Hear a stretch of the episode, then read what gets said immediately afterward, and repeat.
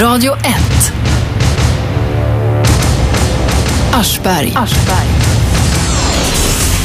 Idag, mina eh, kära lyssnare, så ska vi tala om allting från hur man berättar en bra historia i lite mer bildlig mening, till exempel på film. Men vi börjar någonstans vid grunden, vid lägerelden. Och sen ska vi tala om varför det enbart var bögar i Melodifestivalen.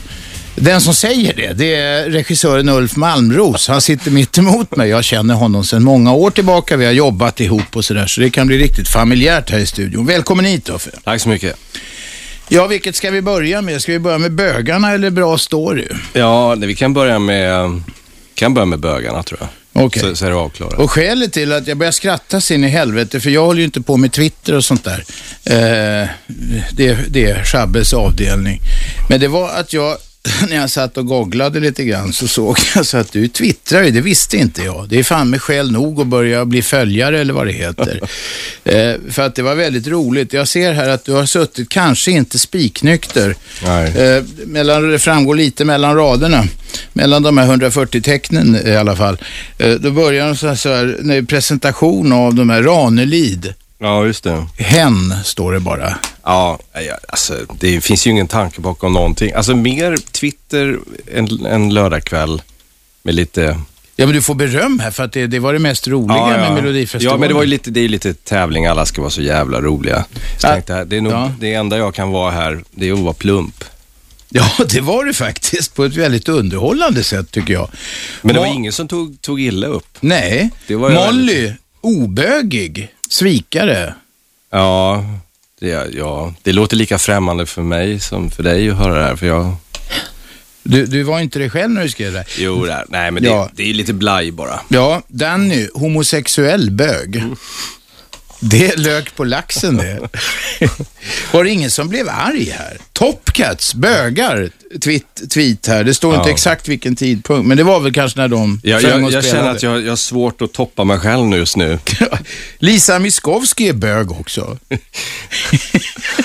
Ja, men det är en stor bögfest och det, det, Ja, det är det. Det, har gillar de. jag att det är. Det är... eh, Det är... Ja, men det är roligt de ju också. med, liksom. ja, men också det, är, det, det är ju intressant för att, eh, inte för att det var någon studie från min sida, men det är intressant att det har gått så långt, eller eh, gått så långt låter som det är negativt, men att när man skriver sådana här saker om just Melodifestivalen, det är redan så etablerat att det är eh, en enda stor bögfestival. Ja, det är det. Det har de ju faktiskt eh, nästan drivit med sig själva om Ja, ja men precis. Ja. Och jag Eller vill ju nästan, po- poängtera att jag, att, att jag försökte bara vara rolig. Ja. Så att, eh, Du är inte homofob. Jag känner flera bögar, de tycker jättemycket om mig. Jag, jag känner också flera bögar. Jag har ingenting emot dem, men jag skulle inte vilja att min dotter gifte sig med en. Alltså, Det var ju så billigt. däremot så kan jag Så säga när vi jobbade ihop så träffade jag min första bög faktiskt. Är det sant? Då kom du som Ja, ung pojke det- från Molkom. Ja, det, det finns ju självklart bögar överallt, men, men det är nog svårare att vara bög på landsorten. Så att när jag kom till Strix och storstan och jobbade på Strix där, slutet på 80-talet, så var det väl någon homosexuell bög där. Ja. Så när någon sa det, så här, han, du vet väl att han är bög? Mm. Nej. ja.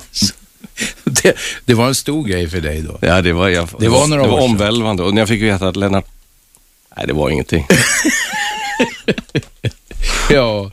Ja, usch ja. Men du, var det ingen som reagerade på det här? Man skulle kunna tänka sig att någon jävel känner sig kränkt. Alla blir ju kränkta hela tiden här i Sverige. Nej men alltså, Twitter, jag har ju bara haft Twitter i två månader, men... Ah, men det är eh, genusdebatten- för nyförälskelsen nej, men liksom med mediet. Lite sådär kul. Men det är kul också att kunna skriva någonting Mm. och rasa lite i sin egen värld. Men eh, genusdebatten är ju, där är det, det får man ju vara väldigt försiktig med vad man skriver om man inte vill ha 70 000 snytingar. Har du själv råkat trampa trampa Ja, i jag, har blivit, klaveret jag har blivit uppläxad några gånger.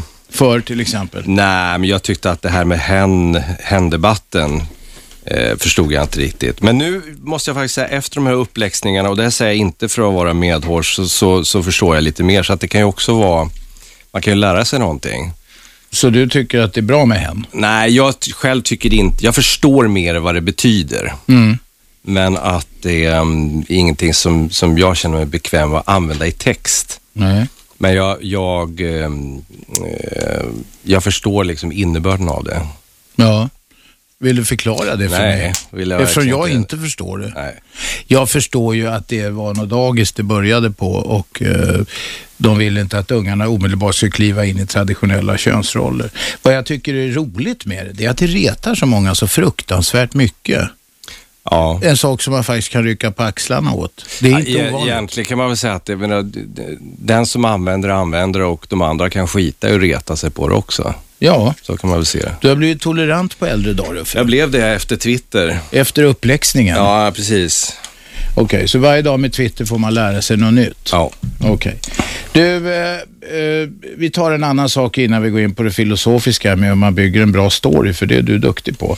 Eh, Bröderna Hårdrock. Ja, den heter Mammas pojkar numera. Mammas, mammas pojkar, det är en ny film om något som du blev inspirerad till av två bröder som sysslar med hårdrock. Ja, just det. Jag såg ett YouTube-klipp på två killar som, jag tror inte de själva kallar sig Bröderna Hårdrock. Nej, det gör de inte. Jag, Men- jag kollar på klippet idag. Ja, eh, och de är jättehärliga och väldigt dedikerade. Så jag tänkte det här är ju en bra story. Alltså folk som är besatta av någonting. Och de här är besatta av Iron Maiden och de är, De var inte, de var inte tonåringar. nej de var nog över 20 där. Det är nog 10 år gammalt det här klippet. Men de är, de är väldigt engagerade. Men det roliga i det är ju att de eh, vill vara väldigt hårda men de är också ganska söta och det tror jag inte de själva Nej. förstod. Och det, det, det, där finns liksom storyn tycker jag. De vill nog inte bli påminda om det. För. Nej, det tror jag inte. Och, eh, men men, men vi, vi bytte namn också därför att de, har, eh, de blir ledsna. För de Ja, det- tycker att de är bröderna Hårdrock. så vi- Fast det är ju lite som den där historien om Groucho Marx och Warner Brothers som du kommer ihåg. Nej, jag kommer inte ihåg, till. jag vill inte förstöra en bra story, men det var någonting med att Warner Brothers hade bråkat med dem för de menade att de gjort något intrång i, i någon story, någonting det var. Ja, när, och då skrev, skriver Groucho Marx tillbaka till Warner Brothers, liksom by the way, det här med Warner Brothers, vi hette The Marx Brothers långt innan ja, ni och så vidare. Så han drev med dem bara. Ja, jag förstår. Det är svårt att äga något som bröderna tror jag. Ja, för nej, det allmän- går. Nej, men vi, jag tror faktiskt till och med att vi äger eh, rättigheten, rättigheten till namnet. Men, Det heter de mammas pojkar, det är ju, det är ju nästan mer förnedrande. Ja, men det, filmen, jag vill poängtera att filmen handlar inte om de här killarna. Jag, jag har aldrig träffat dem och jag vet ingenting om dem annat än att jag har sett det här YouTube-klippet. Så att, eh, att bli inspirerad, det kan man ju inte låta bli att bli. Och det kan Nej, ju inte nej. de bli förbannade på heller för att, för att jag blir. Men jag säger att eh, den heter inte Bröderna Hårdrock längre. Men vi Nej. tänker ändå surfa på deras YouTube-klipp. Ja, ja, ja. Och jag frågade faktiskt några av hårdrockarna här, det är de här långhåriga. eh, med Alla nit- vet vilka de är. Nitar och skit. Så frågade jag, de här har ni killarna några band som heter Nifelheim. Ja, ja, Jag visst. frågade, är, är det bra? Jag ska inte återge exakt vad de sa, men jag kan säga att det var delade meningar om det. Ja, det, de är väldigt speciella. Det, är bara, det är bara att googla upp Nifelheim. Men ganska respekterad tydligen eh, Ja, ja. I, i kretsar. Det, finns, det fanns till och med, det såg jag i, i, i farten då, att det fanns sån här encykl- encyklopedia Metallica och så, alltså det är väldigt... Ja, ja, nej, men alltså hårdrock är ju väldigt... Har ju Tas väldigt på många, allvar. Ja, tas på allvar och har väldigt många grenar och det finns ju enormt mycket bra musik, eh, självklart, inom alla de genrerna, men mycket dåligt också, precis som med alla andra genrer. Ja, nej, men det som jag minns från min svunna ungdom när man var med i olika vänstersekter, de, Mm. det, det, det är de som stod längst ifrån, det var de som egentligen lät likadant Ja, om det ja, hade visst. varit hårdrock. Ja, ja, precis. Ja, ja. Jaha, det var det. Och, vad- handlar filmen om då? När, blir den, när kan man se den på bio och så vidare? Och så vidare. Alltså, Den går upp eh, på juldagen. Så Jaha, att det är en klassisk premiärdag. Ja, precis. Okej. Vill du säga vad den handlar om eller ska det vara en Jag är så hemlis? jävla dålig på att pitcha. Jag vill ha med för mycket. Pitcha är när man berättar Ja. storyn på ett klatschigt sätt, ett säljande sätt på högst två rader. Om jag ska försöka så kan jag säga att det handlar om en, eh, två eh, bröder som är hårdrockare och eh, eh, får sparken från sitt jobb och flyttar hem till sin mamma som är präst. Hon är en curlingmorsa. Mm. Så hon ska liksom försöka ställa allting till rätta och få dem att växa upp. Så det är väl storyn i kort. Och så blir det en massa förvecklingar då. så blir det en massa förvecklingar och sådär. Då. Ja. Är det, vad kan man säga, du, ja, de, de, de fil, dina filmer som jag tror jag har sett, nästan alla i alla fall. Eh, Du har ju ett speciellt tonläge, är det ungefär samma tonläge i denna? Eh, jag är väldigt förtjust i, i, i att skriva dialog Ja. och eh, jag är väldigt förtjust i undertext, det vill säga att någon, undertext är ju då om någon till exempel säger att nej men jag mår bra. Och så vet vi att den här personen mår väldigt dåligt. Det finns väldigt roligt, eh, roliga, det finns bra möjligheter till att eh, skriva rolig dialog då för att det påminner nog mer om hur vi människor är egentligen, därför att vi är ju färghållare by nature. Ja, ja, det, Det är genomsnittsmänniskan Ja, ljuger sju precis. gånger om dagen, står det. På ett sätt som man vet själv. Oh ja. men- ja, ja, gud. Det är därför vi tycker om överspel i film, därför att överspel påminner inte om det verkliga livet. Därför att vi är väldigt bra på att hålla masken, men, men i, i, i dålig film så, så ska liksom skådespelarna gestalta allting med rullande ögon och Mm, som på en sån här romersk, eller antikens teaterscen Ja, eller att vifta. indisk Bollywoodfilm. Ja, just det. De är tvungna att vifta utav helvete för att det ska gå fram någon eh, ena eller andra gesten. Mm. Ja, eh, okej, det var storyn i korthet. Det är Värmland då förstås som är Ja, det är miljö. Värmland. Vågar jag gissa? Ja, det är Värmland. Eh, av allt du har gjort, hur mycket har varit direkt eller indirekt influerat av den värmländska miljön? Ja, jag menar, väldigt mycket som, eh, alltså, jag hämtar nog mycket stories från, från eh, min uppväxt i Värmland. Mm. Det gör jag faktiskt. Eh, Smala Sussi var ju, där la jag in i princip allt jag kommer ihåg då. Mm. För den är ju väldigt så här anekdotmässig, hoppar i tiden fram och tillbaka. Mm.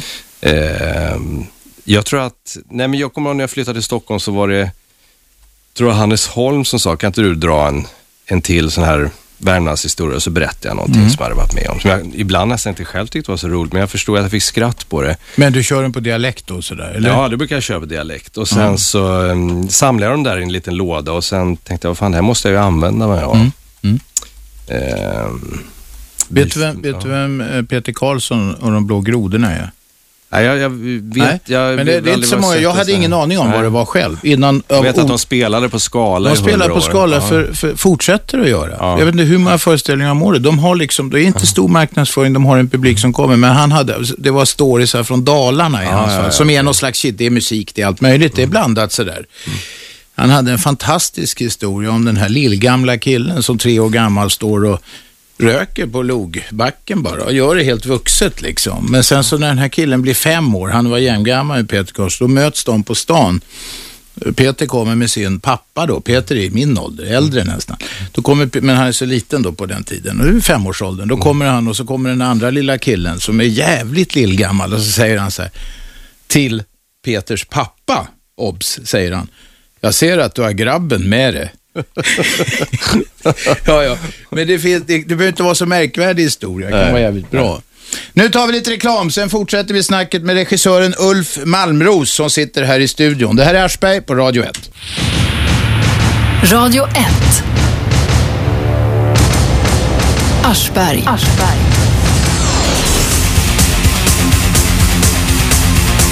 Ja, där satt vi och pratade så mycket så vi höll på att glömma att vi var i radio. Det är Uffe Malmros som sitter här, regissören eh, till en rad eh, filmer som säkert de flesta av de som lyssnar har sett någon i alla fall.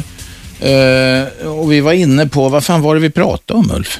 Vi pratar Före väl om pausen. eh, film och dramaturgi. Det och- gjorde vi ja. Vi började med bögar och sen så pratade vi om Bröderna Hårdrock som, är, som inte heter så, som heter Mammas pojkar. Ja, måste... Mammas pojkar, som är en film som kommer till jul först. Så vi får, den som väntar på något gött får vänta länge.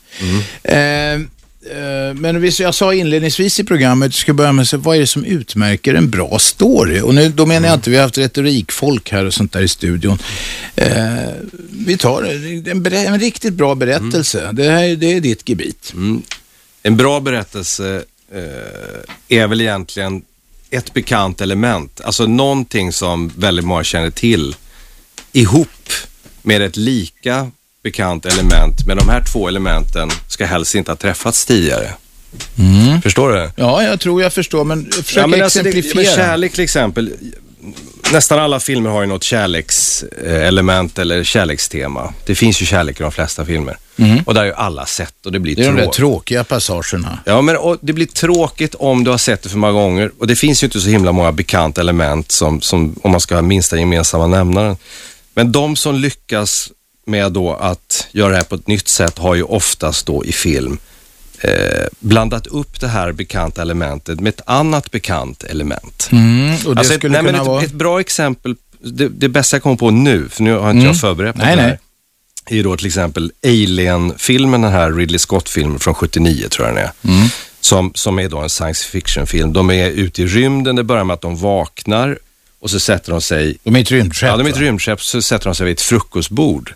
Och det har vi sett tusen gånger. Men i den här filmen så har man då elementet vardag eh, i det här. Det vill säga att de pratar fackföreningar, de har vanliga kläder och de käkar flingor. Det är liksom långfärdsresenärens Ja, tristess. Där händer det ju någonting. Det är inget jättemärkvärdigt, men där är det två element som aldrig hade mötts tidigare. Och Alien blev ju då... Eh, och sen var det en sak till med Alien då, att, att det var... Eh, Jänkarna älskar ju liksom att säga så här, eh, en film möter en annan film för att Okej. beskriva en tredje film. Och då var det då eh, Jaws in space, alltså, Alltså hajen, hajen i i rymden. rymden. Därför att Ja, det ja. finns ju ett monster ombord där. Ja. Och det var också det var ingen som hade gjort det på det sättet. Men vänta då, tidigare. det här med flingorna säger du, det var nytt. Därför att tidigare har de bara aldrig ätit Nej, eller ett- gått på toa eller, Eller tar någonting. ett piller och så har de ja, rymddräkter det. och så är det, ja, sådär. Men här satt de i vanliga... Ja, och så snackar de fackföreningsmöten. De var inte liksom bara ute och åkte i rymden, utan de, de hämtade malm på en annan planet, vilket var väldigt jordnära. Ja, just det. Det var ett skitigt jobb som Eh, skulle göras bara. Precis, va? och eh, så, så där funkar, om, svaret på frågan vad är en bra film är väl då när det är någonting som är bekant, för du kan inte göra en film om, om liksom en värld där du inte har förklarat spelreglerna. Så Nej. vi måste liksom röra oss, om du vill bli någorlunda bred, om du ska ha en film som någorlunda många ska se så måste de ju ändå känna igen sig i världen. De måste ha referenser och kunna studsa mot. Ja. Eh, så att, eh, men det är ju väldigt lätt också att, att bestämma de här gemensamma överenskommelserna med en publik. ja, det vill säga... Nej, men alltså om du tar en, om du tar en eh, barnteater till exempel, Ja. så kan då någon komma in med en stol på scenen och säga, Ja. hej alla barn, det här är ett flygplan. Ja, då är, Då på är det det, ja, ja. Samma sak är det med film, att om du i, i, redan i förtexterna berättar, i den här världen så är det tvärtom, det vill säga att ingen kan ljuga. Alltså liar, liar. Mm. Eh, nej, det var fel film. Det var Invention of Lying jag tänkte på. Ja, ja. Men det, Eh, det, jag vet vilken film ja. det är. Det är där ingen kan ljuga och så är det någon som kommer på att Just det precis. funkar rätt bra. Mm. Och då så har man berättat det på en minut och då är vi med på de noterna. Då Ja. säger okej, i den här världen så kan ingen ljuga, ingen vet vad det är. Förutsättningarna är gives Ja, och, precis. och de tar folk till sig och här, Men- vi är med på leken. Precis, men all, det är ett bekant element. Alla vet ju vad ljuga är för någonting. Ja. Så att eh, hemligheten med bra film är, men sen, det, är- det är mycket mer komplicerat än så och eh, ingen har väl liksom eh, nycklarna. Det finns ju, finns ju liksom tusentals dramaturgiböcker på det här ämnet där man då liksom kan bena ut vad det är man skulle göra med sitt manus för att det skulle bli Men om det nu finns tusentals, är de någorlunda eniga om vissa grunder då? Ja, det tror jag. För att eh, det är nog inte så att, ehm, att någon har uppfunnit dramaturgin, utan dramaturgin är liksom nerritad utifrån hur vi fungerar, det vill säga att det finns i vårt DNA. Alltså så här är vi som människor. Mm, och det har då från muntlig tradition så småningom börjat nedtecknas? Ja, precis. Det här, det, ja, det finns ju folk som tycker olika, men om du ber ett barn till exempel som inte har sett så mycket film och inte hört så mycket sagor, om du ber det barnet berätta en historia, så, så börjar de alltid ungefär som en film. Det var en gång och så handlar det om en person och så ska den personen göra någonting, har ett uppdrag och så kommer ett motstånd. Det kommer en varg eller tappar bort sig i skogen och så, så ska den här eh, personen som har tappat bort sig hitta tillbaka hem. Eh, Och, och du säger lösa, komma Ja, förbi hindret? Lösa, komma förbi hindren och lösa upp. Och sen när- den här personen då kommer ut i andra änden av sagan eller filmen så har den lärt sig någonting. Det konstiga är att, att det- det har sagts, och jag tror på den teorin, att det där, det du sa, en, en film möter en annan så blir det en tredje film. Mm. Där kan, eh, floskulöst kanske, men ett plus ett kan bli tre. Om jag tar exemplet Robinson så var ju det eh, något nytt. Du hade, Exakt. du hade ett, ett dokumentärt sätt Mm. att filma. I princip gör du dokumentär om människor på en öde ö, men så lägger du till ett tävlingsmoment Mm. Yes. som inte har funnits i liknande grejer förut. Och då blir det, för det blev en fullkomligt sensationell Mm. Ja, succé. Va? Men det är ett bra exempel för det är precis så det är när, när ny film uppstår så är det oftast just det. Att det är två bekanta element som aldrig tidigare mötts. Ja. Så blir det Men-. Kan- Okej, men, kan, ja, det, men det gäller ju inte alla filmer. Ibland kan det bara vara en bra och en spännande story. Ja, men det är spännande story. Det är ju... Alltså vi- Eller så är det jag som är amatör som inte ser det där. Ja, men spännande, det är ju det är också, om du inte tycker att ämnet är något intressant så tycker du inte att det är så spännande. Alltså, eh, personen du följer ska ju ha någonting att förlora och ska ju liksom vinna, vilj, vinna vilja vinna någonting också. Men om vi tar den här Tinker Taylor till Ja. exempel. Ja. De misstänker en, jag har läst Carré sedan lång tid tillbaka. Ja, ja, ja. Det var- Jag gillar, älskar ju sådana där mm. filmer. Eh, och även den här gamla tv-serien som väl var BBC-producerad som gick för hundra år sedan. Jag minns den jävligt som var jävligt bra. Med, med Alec Guinness och det. Eh, där är ju, eh, ja det börjar ju med att eh, någon, någon får sparken i princip och sen så tvingas de ta in honom igen för de ska lösa problemet med en läcka. Mm. Ja, men här, ju, eh, filmen är ju ganska komplicerad. Ja, men det är ju för att- den gånger. Men... För, för att det är en massa hierarki i de här det, Mm. systemen och det är en massa dubbelspel som det är i spionerivärlden. Det är, det är en sån här spegelvärld. Man kan aldrig lita på någon och så. Mm. Nej, det är ju det som komplicerar det som fan. Jo, det blir ju en labyrint till slut. Va? Och förrädarna är mitt ibland dem och så Jo. vidare. Ja, men den är ju både traditionell och inte. Just den Ja. här motvilliga hjälten då, eller vad man ska säga. Han kallas Antihjälte, tillbaka ja. in och, och eh, vill egentligen inte, har gått i pension och sådär. Ja. Men det är väl ett, i och för sig ett klassiskt Ja, grepp. men det är ett klassiskt grepp. Ja, var- Varannan deckare, amerikansk hårdkokt deckare är ju sån här som egentligen inte vill ta fallet. Ja, men det så är det ju alltid. Ja. Och två omaka snutar är ganska Ja. vanligt också. Så. Ja. Nej, men det finns ju vissa då eh, hjälpmedel då för att eh, kunna komma framåt i historien. Du, du, du måste ju på något sätt, till skillnad från en bok, där du inte kan, en bok är ju, är ju lättare på det sättet att du kan vara inne i huvudpersonens skalle helt Ja, enkelt. Den resonerar med sig själv, men på film så måste du liksom få ut det här berättandet utanför kroppen. Och då behöver du ju liksom, man kan ju ändå lösa det, lösa det med en hund som Tintin till exempel, prata med sin hund eller, Mm. i, eller någon sån här, eh, man pratar i en meddelande i, vad heter den där filmen? Ja, eh, diktafon. Ja, diktafon. Eh, och sen så, eller, eller en partner då. Som, Ja, som, som är liksom din motståndare. Mm. Som du kan liksom redogöra för allting, hur du tänker och Mm. nästa steg och så vidare. För att få med, eh, få med betraktaren, eller tittaren i det fallet, på, på storyn. Nu, mina damer och herrar, blir det nyheter. Uh, Ulf Malmros sitter i studion, känd regissör, och vi pratar om allt från bögar till bra storiesar. Det här är Aschberg på Radio 1. Radio 1. Aschberg. Måndag, tisdag, onsdag, torsdag, fredag 15.00 till 18.00 på 101,9 i Storstockholm på radio1.se vid datamaskinen. Då kan man lyssna över hela världen faktiskt. Och sen kan man skaffa den här gyllene appen, radio1.ny, eller är det punkt emellan Shabbe? Nej, Radio 1 Ny. Ja, det man söker där i appmaskinen om man har sån här modern telefon. Det börjar ringa någon. Ni får inte ringa riktigt än. Uffe och jag ska snacka om saker. Sen ska ni få börja ringa. Eh, du ville fråga om Ja. en karaktär. Jag har en fråga från Mikael här. Eh, hur kom eh, rollfiguren Pölsa till? Han är helt underbar. Pölsa i, i Smala Sussi. Mm. Eh, han kom till, han, han är inte huvudpersonen och eh, skulle aldrig kunna vara huvudpersonen, för huvudpersonen måste ju ofta vara någorlunda vettig. Vi måste ha någon som guidar oss genom filmen och den får inte vara för galen. Så att Pölsa uppfanns som ett hinder för den här Erik i Smala Sussi som ska leta efter sin försvunna lilla syster. Och på vägen då medan han letar så träffar han den här galningen Pölsa. Och det är roligt att skriva sådana här sidokaraktärer. Och Kjell Bergqvist har spelat många sidokaraktärer också i mina filmer därför att de får vara liksom helt fria. De behöver inte gå igenom någon utveckling och bli bättre i slutet. Som en Du, huvudperson. du behöver ska inte ha en, från, gå från A till Ö med dem. Man Nej, kan, de behöver inte göra någon utveckling. De kan vara som kalanka, de kan vara likadana hela tiden och de Ja. kan säga vad som helst och göra vad som helst och sen kan man bara avliva dem eller släppa dem. För de är en bifigur. Så egentligen är bifigurerna roligare att skriva än, än eh, huvudrollen. För huvudrollen har man liksom mer ansvar för.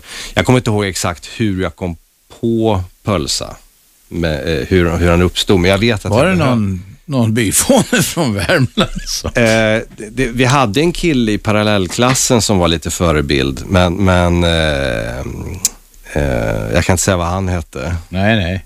Säg det bara till oss. nu, Ja, Shabbe, säger men- nej, nej. Det, det, det, dessutom kan det vara så. Det är några år sedan. Det där kanske år är en sedan. sån här Bonapater-familj eller vad det heter nu. En stadgad medborgare som är är med i numera. Rotary. men kanske med i Rotary i Molkom Ja, det vet man inte. Nej, kan vara så. Eh, det var pölsa det. Men du, okej, du ska ju jobba med bifigurer och så här. Ta det från början. Det kan vara kul för folk som går på bio och veta hur fan jobbar man med Du får en idé, säg att du ser det där YouTube-klippet som det var i fallet. Mm. just Hur det. vad gör du sen? Det är bara att sätta sig och skriva och så skriver man klart. Ja, det är alltså en det- process det med antar jag. Ja, nej, men att det, det är en klassiker, säger ju alla som skriver, att det är bara att sitta och nöta och det stämmer ju. Du, det blir ju ingenting gjort om du bara går omkring och har en bra idé. Alltså, en, en, de flesta idéer är ju inte annat än anekdoter. De kan liksom inte utvecklas till en hel historia, för en hel historia är mycket mer komplex. Så att ibland på middagar och sånt så, så får jag tips om, om olika sköna människor de har träffat eller situationer. Den kan du göra en film Ja, men om jo, precis. Och, du, Ja. och det här hände på jobbet på banken i fredags. Du skulle bara ha sett och sådär. Och det är en rolig historia, men det är, en- det är liksom ingen hel film. Va? Så det är skillnad på en idé och en anekdot.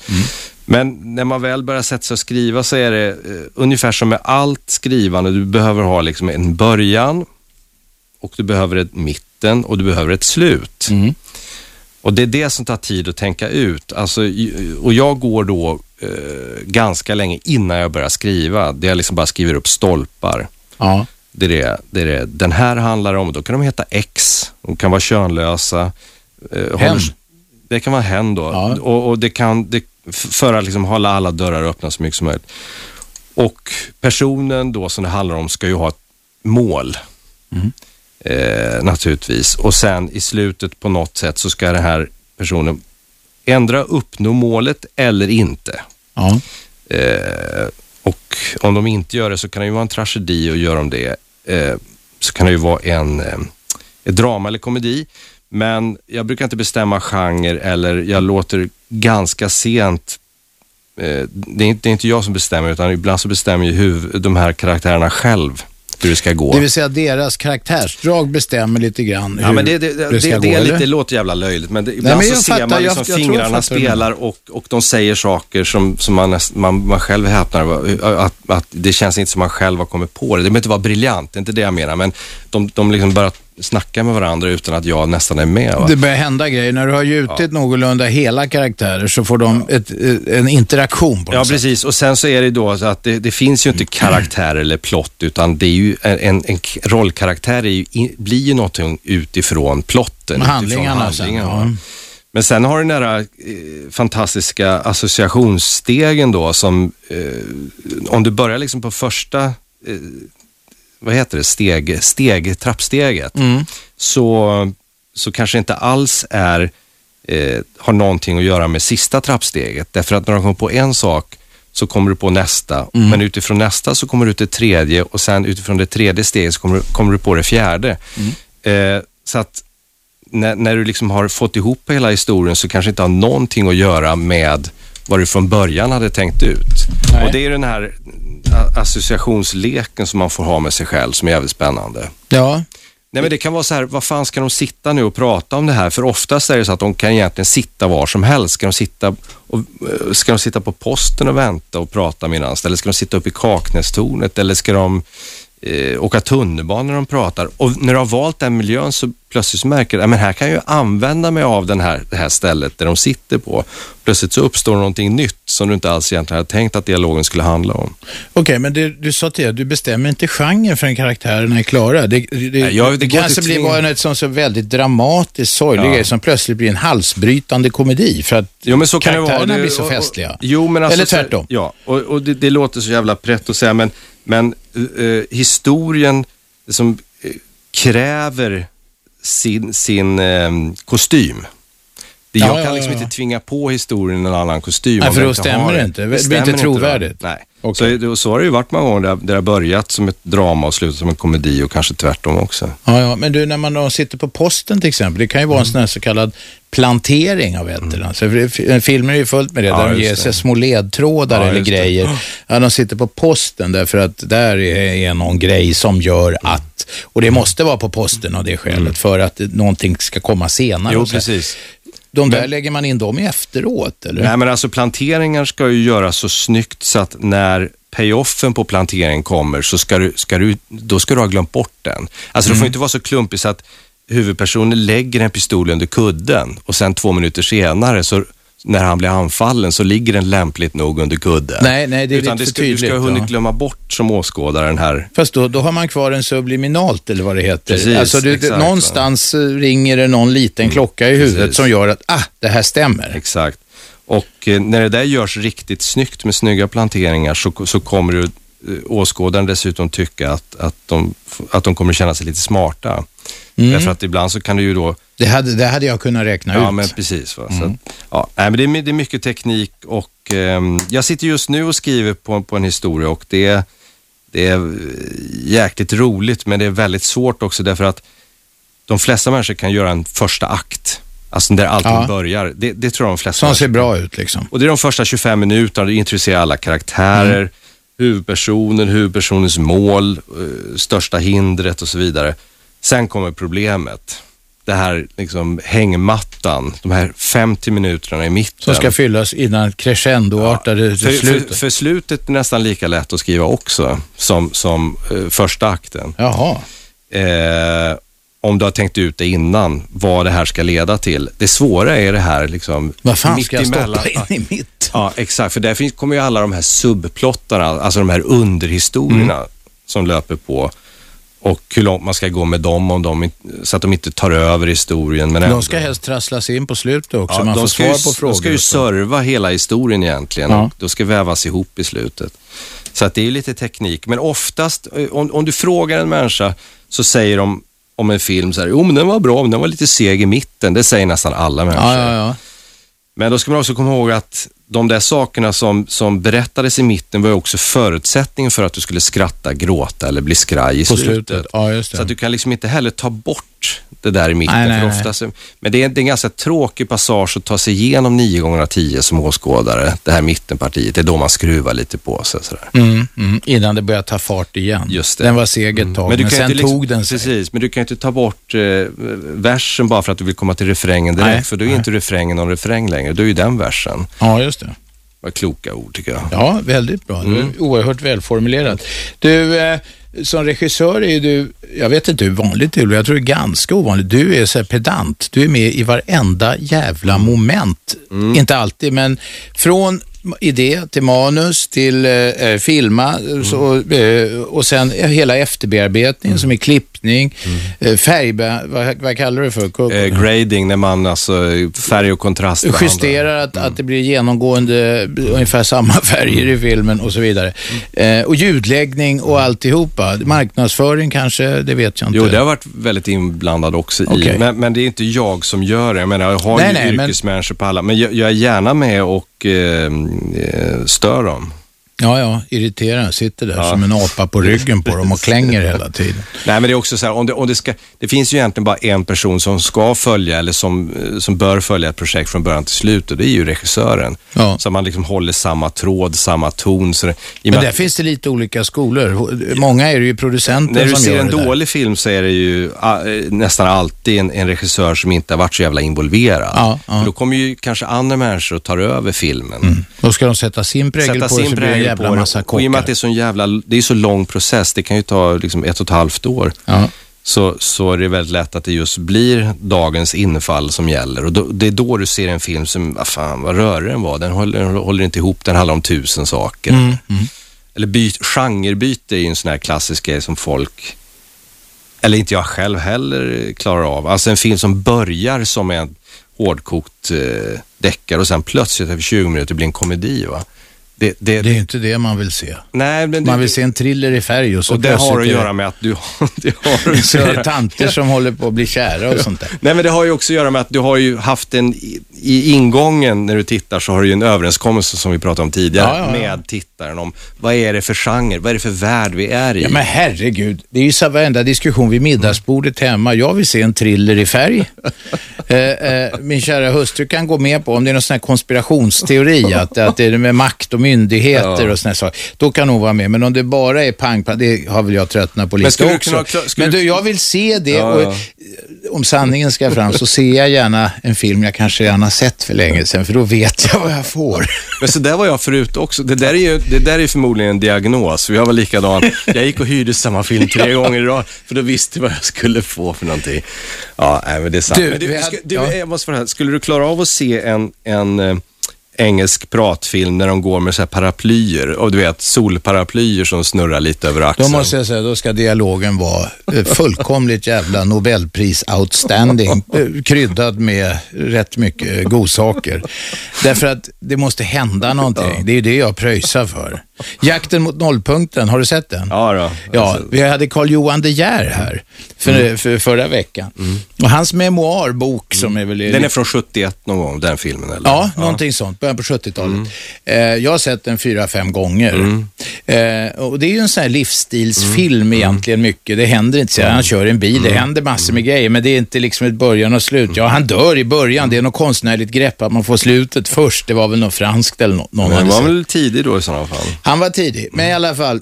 Och jag gillar antihjälten där, Barry Newman som är huvudfiguren. Men, men eh, Carl Johan De Geers memoarer heter Jakten mot nollpunkten. Och när jag såg det, så liksom har sett dem, så är det från filmen? Ja visst, det var från filmen. Han var en stor beundrare av den här filmen. Den var, det var avantgarde i sin Ja, just genre, vilken den nu är på. Jag såg om den för kanske en tre, fyra år sedan och förstod ju inte riktigt storheten med den. För den är lite som Easy Rider, en film Ja, man ska jag sett men som inte handlar om någonting. egentligen. Kommer du ihåg att vi gjorde en parodi på det en gång? För Ja, då, absolut. Många, 15 år sedan eller mer kanske. Men, och, och då var jag tvungen, för det var 25-årsjubileum för Ja, den, jag just var det. tvungen att se om den. den var ju, det var ju ren skit. Ja, det håller inte. Men jag menar, man får också förståelse för vad den signalerade då. Det var ju den kasta klockan ärlig. Ja, och, ja. och ge dig ut och sök friheten och sådär. Vi ska ta reklam nu, sen ska vi snacka lite om drömmarna om Hollywood. Har Uffe några sådana eller inte? Det får ni strax höra. Eh, och sen ska ni få börja ringa. Eh, I väntan på det, det här är Aschberg på Radio 1. Radio 1. Aschberg. Aschberg. Måndag till och med fredag, varje vardag alltså 15 till 18 på 101,9 MHz i Storstockholm på radio1.se om ni sitter vid datamaskin. Och så kan ni lyssna med appen. Det där blir mer och mer poppis. Appen och datamaskinen för radio. Det är framtiden säger de på radio. Jag vet inte. Det får vi se. I alla fall är det så att vi har Ulf Malmros i studion, regissör med en eh, rad filmer eh, eh, som Bröllopsfotografen, Småla Sussi, vilka Ja, vad fan. Bästa sommaren. Bästa sommaren, mycket bra film. Eh, ja, en massa sådana här populära filmer har han gjort och vi har just, vi har just berättat för eh, nytillkomna lyssnare som inte kommer få höra det igen, eh, hur man går tillväga när man skriver ett manus. Finns det någon risk här? Du berättar ganska detaljerat om hur du jobbar och så finns det inte någon risk med att avslöja sånt, ungefär som en trollkarl avslöjar ett knep. De gör ju aldrig det va? Att det blir kliniskt på något sätt. Jo, alltså blir, går du för mycket efter de här handböckerna som finns så kan det bli mekaniskt alltså. Det, men där gäller det också att liksom, i det här bygget så måste du också få in lite irrationella saker. Ja, ja, man det ska bryta mönstren Ja, samtidigt. Men samtidigt är det, alltså, att, att, att göra film, för det första är det så jävla dyrt och så mycket folk inblandade, så att du måste ju börja med ritningen, sen hitta platsen du ska Ja. bygga det och så Ja. konstruktionen. Men, men när, när du börjar liksom tvärtom, va, börja med att tapetsera väggarna och möblera, då kommer du ändå alltid få göra om det. Du kan ju inte börja tapetsera innan, innan kåken är men, klar. det, men liksom. det, det, det är ganska många som gör och Ja, jag har ja, också ja. Mm. gjort det. Och det, det, det, är, det går liksom inte att börja bygga en karaktär innan du har bestämt världen och vad karaktären ska vara utsatt för. Så att det där liksom brukar lösa sig Ja, efterhand. ja, jag förstår det. Har du sett den här Buñuels, borgarklassens diskreta charm? Nej, jag har letat efter den, men jag har inte Ja. hittat den. Jag kommer ihåg den, där, för det är många, många, många år sedan när den kom och jag tyckte det var en jävligt annorlunda film. För den striden, där bryter han alla de här reglerna. Men de är instängda på något sätt, va? Nej, de, det är massa olika scenerier. Jag kan inte referera den för det var så länge sedan jag såg den. Men det roliga är att, vi kan ta så här exempel. Det är någon av huvudfigurerna, huvudfiguren, det har hänt någonting, någon dramatisk grej. Han kommer in på något nunnekloster eller någonting och sen plötsligt drar han ner byxorna och ska bli piskad av någon kärring, får smisk av någon kärring. Så går de ut, sen, sen då blir de ovänner eller något sånt där och så ska han lifta. Alltså det här är fel berättelse, men det går så här. Då ska han lifta och då får han lift med en gubbe. Sen hoppar han av bilen, sen är han borta. Sen följer man gubben i bilen. Han åker till en middag hemma Jo, hos visst. några där de sitter på toalettstolar runt ett matbord och så sitter en liten pojke och säger så här, mamma, jag är hungrig. Tyst, tyst, inte när vi sitter på toaletten. Han har vänt på allting. Ja, ja. Men och så där är det. Och sen, så, det är liksom inte någon start och något alltså, slut så- på det viset. Nej, men alltså, du kan alltid hitta en arena där du är helt själv. Ja. Men då ska du också räkna med att, du, och det är klart du kan bli en stor kritiker för en gång, men det kommer ju alltid vara smalt kommersiellt Ja, ja, ja, sett. visst, visst, så visst. Att, att hitta en egen arena är kanske inte lätt, men om du väl eh, gör det så kan du få vara själv där. Men du kan inte räkna med att du kommer att få så många som ser det. Jag minns att jag skrattade Nu- nu som jag fan för det det om var så här för sjuka... att det vet jag att många- nej, nej, nej, men han har ju säkert gjort en massa andra och det är sån klassiska andalusiska, allt möjligt det där.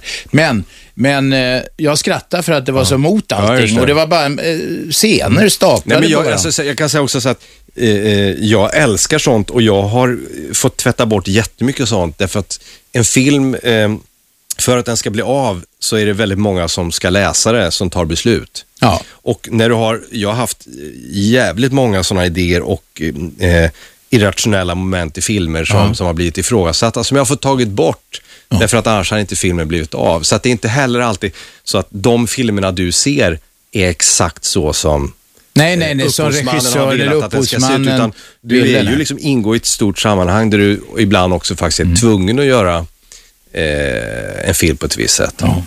Hollywood-drömmar ska vi prata om. Först sista frågan om någon Mm. konkret grej. Eh, här, har du sett det här 30 grader i februari?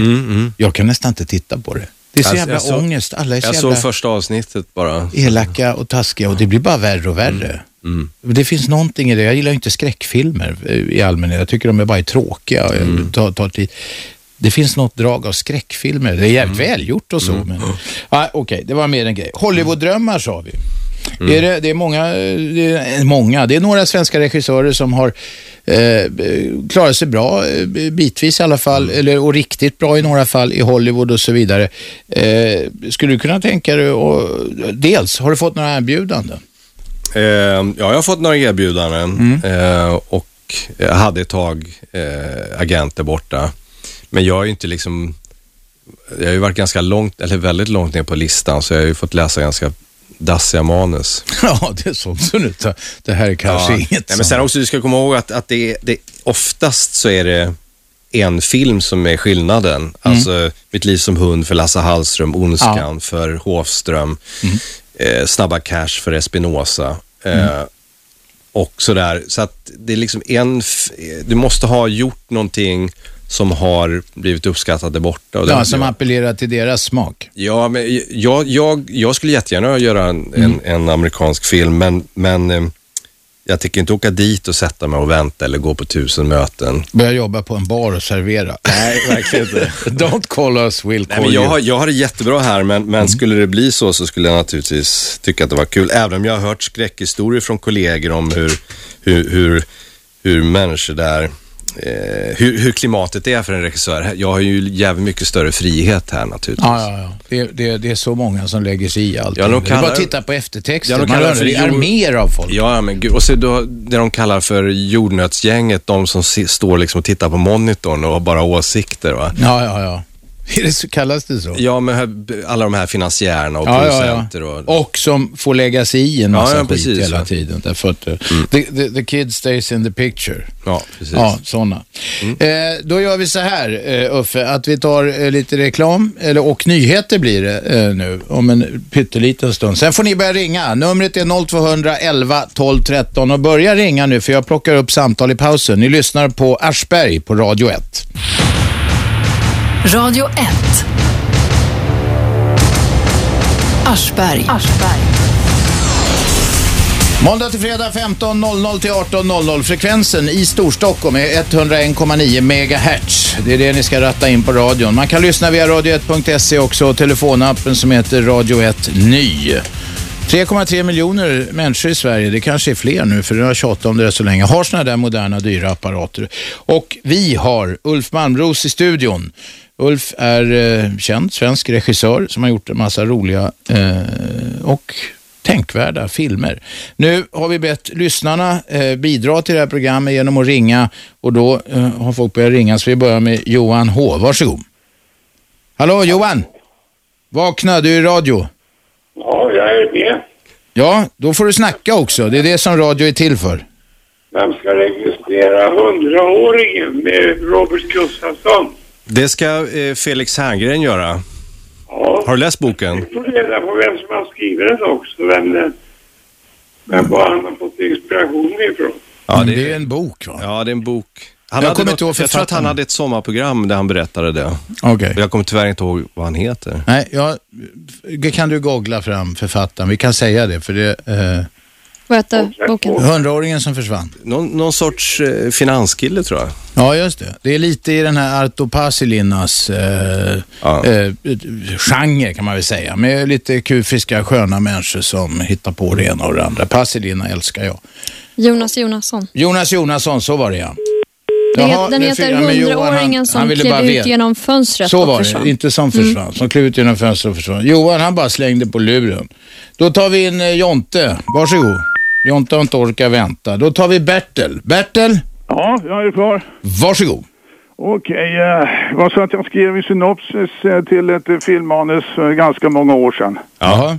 Och eh, hade möte med ett par filmproducenter från, om det var tv eller Filmhuset. Ja. Och eh, de var intresserade utav idén och eh, ville göra en annan eh, genre utav min idé. Så att jag tackade nej till deras anbud. Vad var det för genre till att börja med? Från, Ja, det var... Ja, det är svårt. Var det komedi, deckare, drama? Ja, det blir mer drama då med, med, med, lite politiska inslag i. Och de ville göra... Fars utav det hela. Okej. Ja, det var inte bra. Ja, men politik och fars kan ju fungera. Det kan är ju en slags fars. Giftas ihop sig. Ja, men... eh, Men du, du, du vill inte... Du drog då, du tyckte att... att Ja, gick de det in ville- på din domän där tyckte du? Ja, precis. Jag ville vara rädd om min idé för att eh, jag hade budskap som, eh, som sträcktes... Eh, eh, Men då ska jag säga en, en, en sak. Ja. Att eh, det där är väldigt vanligt. Ja, Att, jag vill inte vara taskig mot dig, men, men man måste kunna samarbeta med många personer för att kunna Exakt. hålla den här branschen. ja, precis. Eh, men det är klart att om, om någon vill eh, göra falukorv av oxfilé så kanske man är begripligt om man drar sig ur. Ja, jag, för, jag, förstår, jag förstår vad jag menar. Så att... Eh, Men det ligger i din byrålåda nu. Ja, jag, Och marinerar.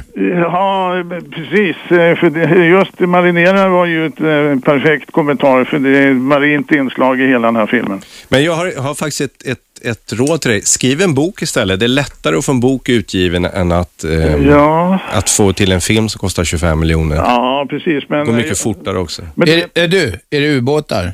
vad sa du? Är det ubåtar? Ja, det finns mer sånt. Är det saker du vet som är känsligt? Eh, Ja, jag har jobbat inom försvaret tidigare. Ja, jag tänk förstår. jag hörde det. Och sen har jag varit inom polisen. Ja, men jag förstår. Jag, jag anar att det var någonting sånt. Och sen eh, mitt yrke har varit jurist. Ja. Okej. Det Ja, är så ja. att ehm, eh, jag har insyn i olika verksamheter så att eh, jag hade tänkt faktiskt, eh, jag har en ganska tjock bund som ligger och jag fick det där stämplat utav Notarius Publicus för att skydda idén. Jag förstår. Det, har, det är ingenting som har något med något Palmemord att göra? Ingenting sånt. Nej. Nej. Nej. Men eh, just, just den här filmen är mera, ja, det, är- det blir ju nästan en eh, thriller utav det hela va. Mm. En thriller i färg. Vad sa du? En thriller i färg sa jag.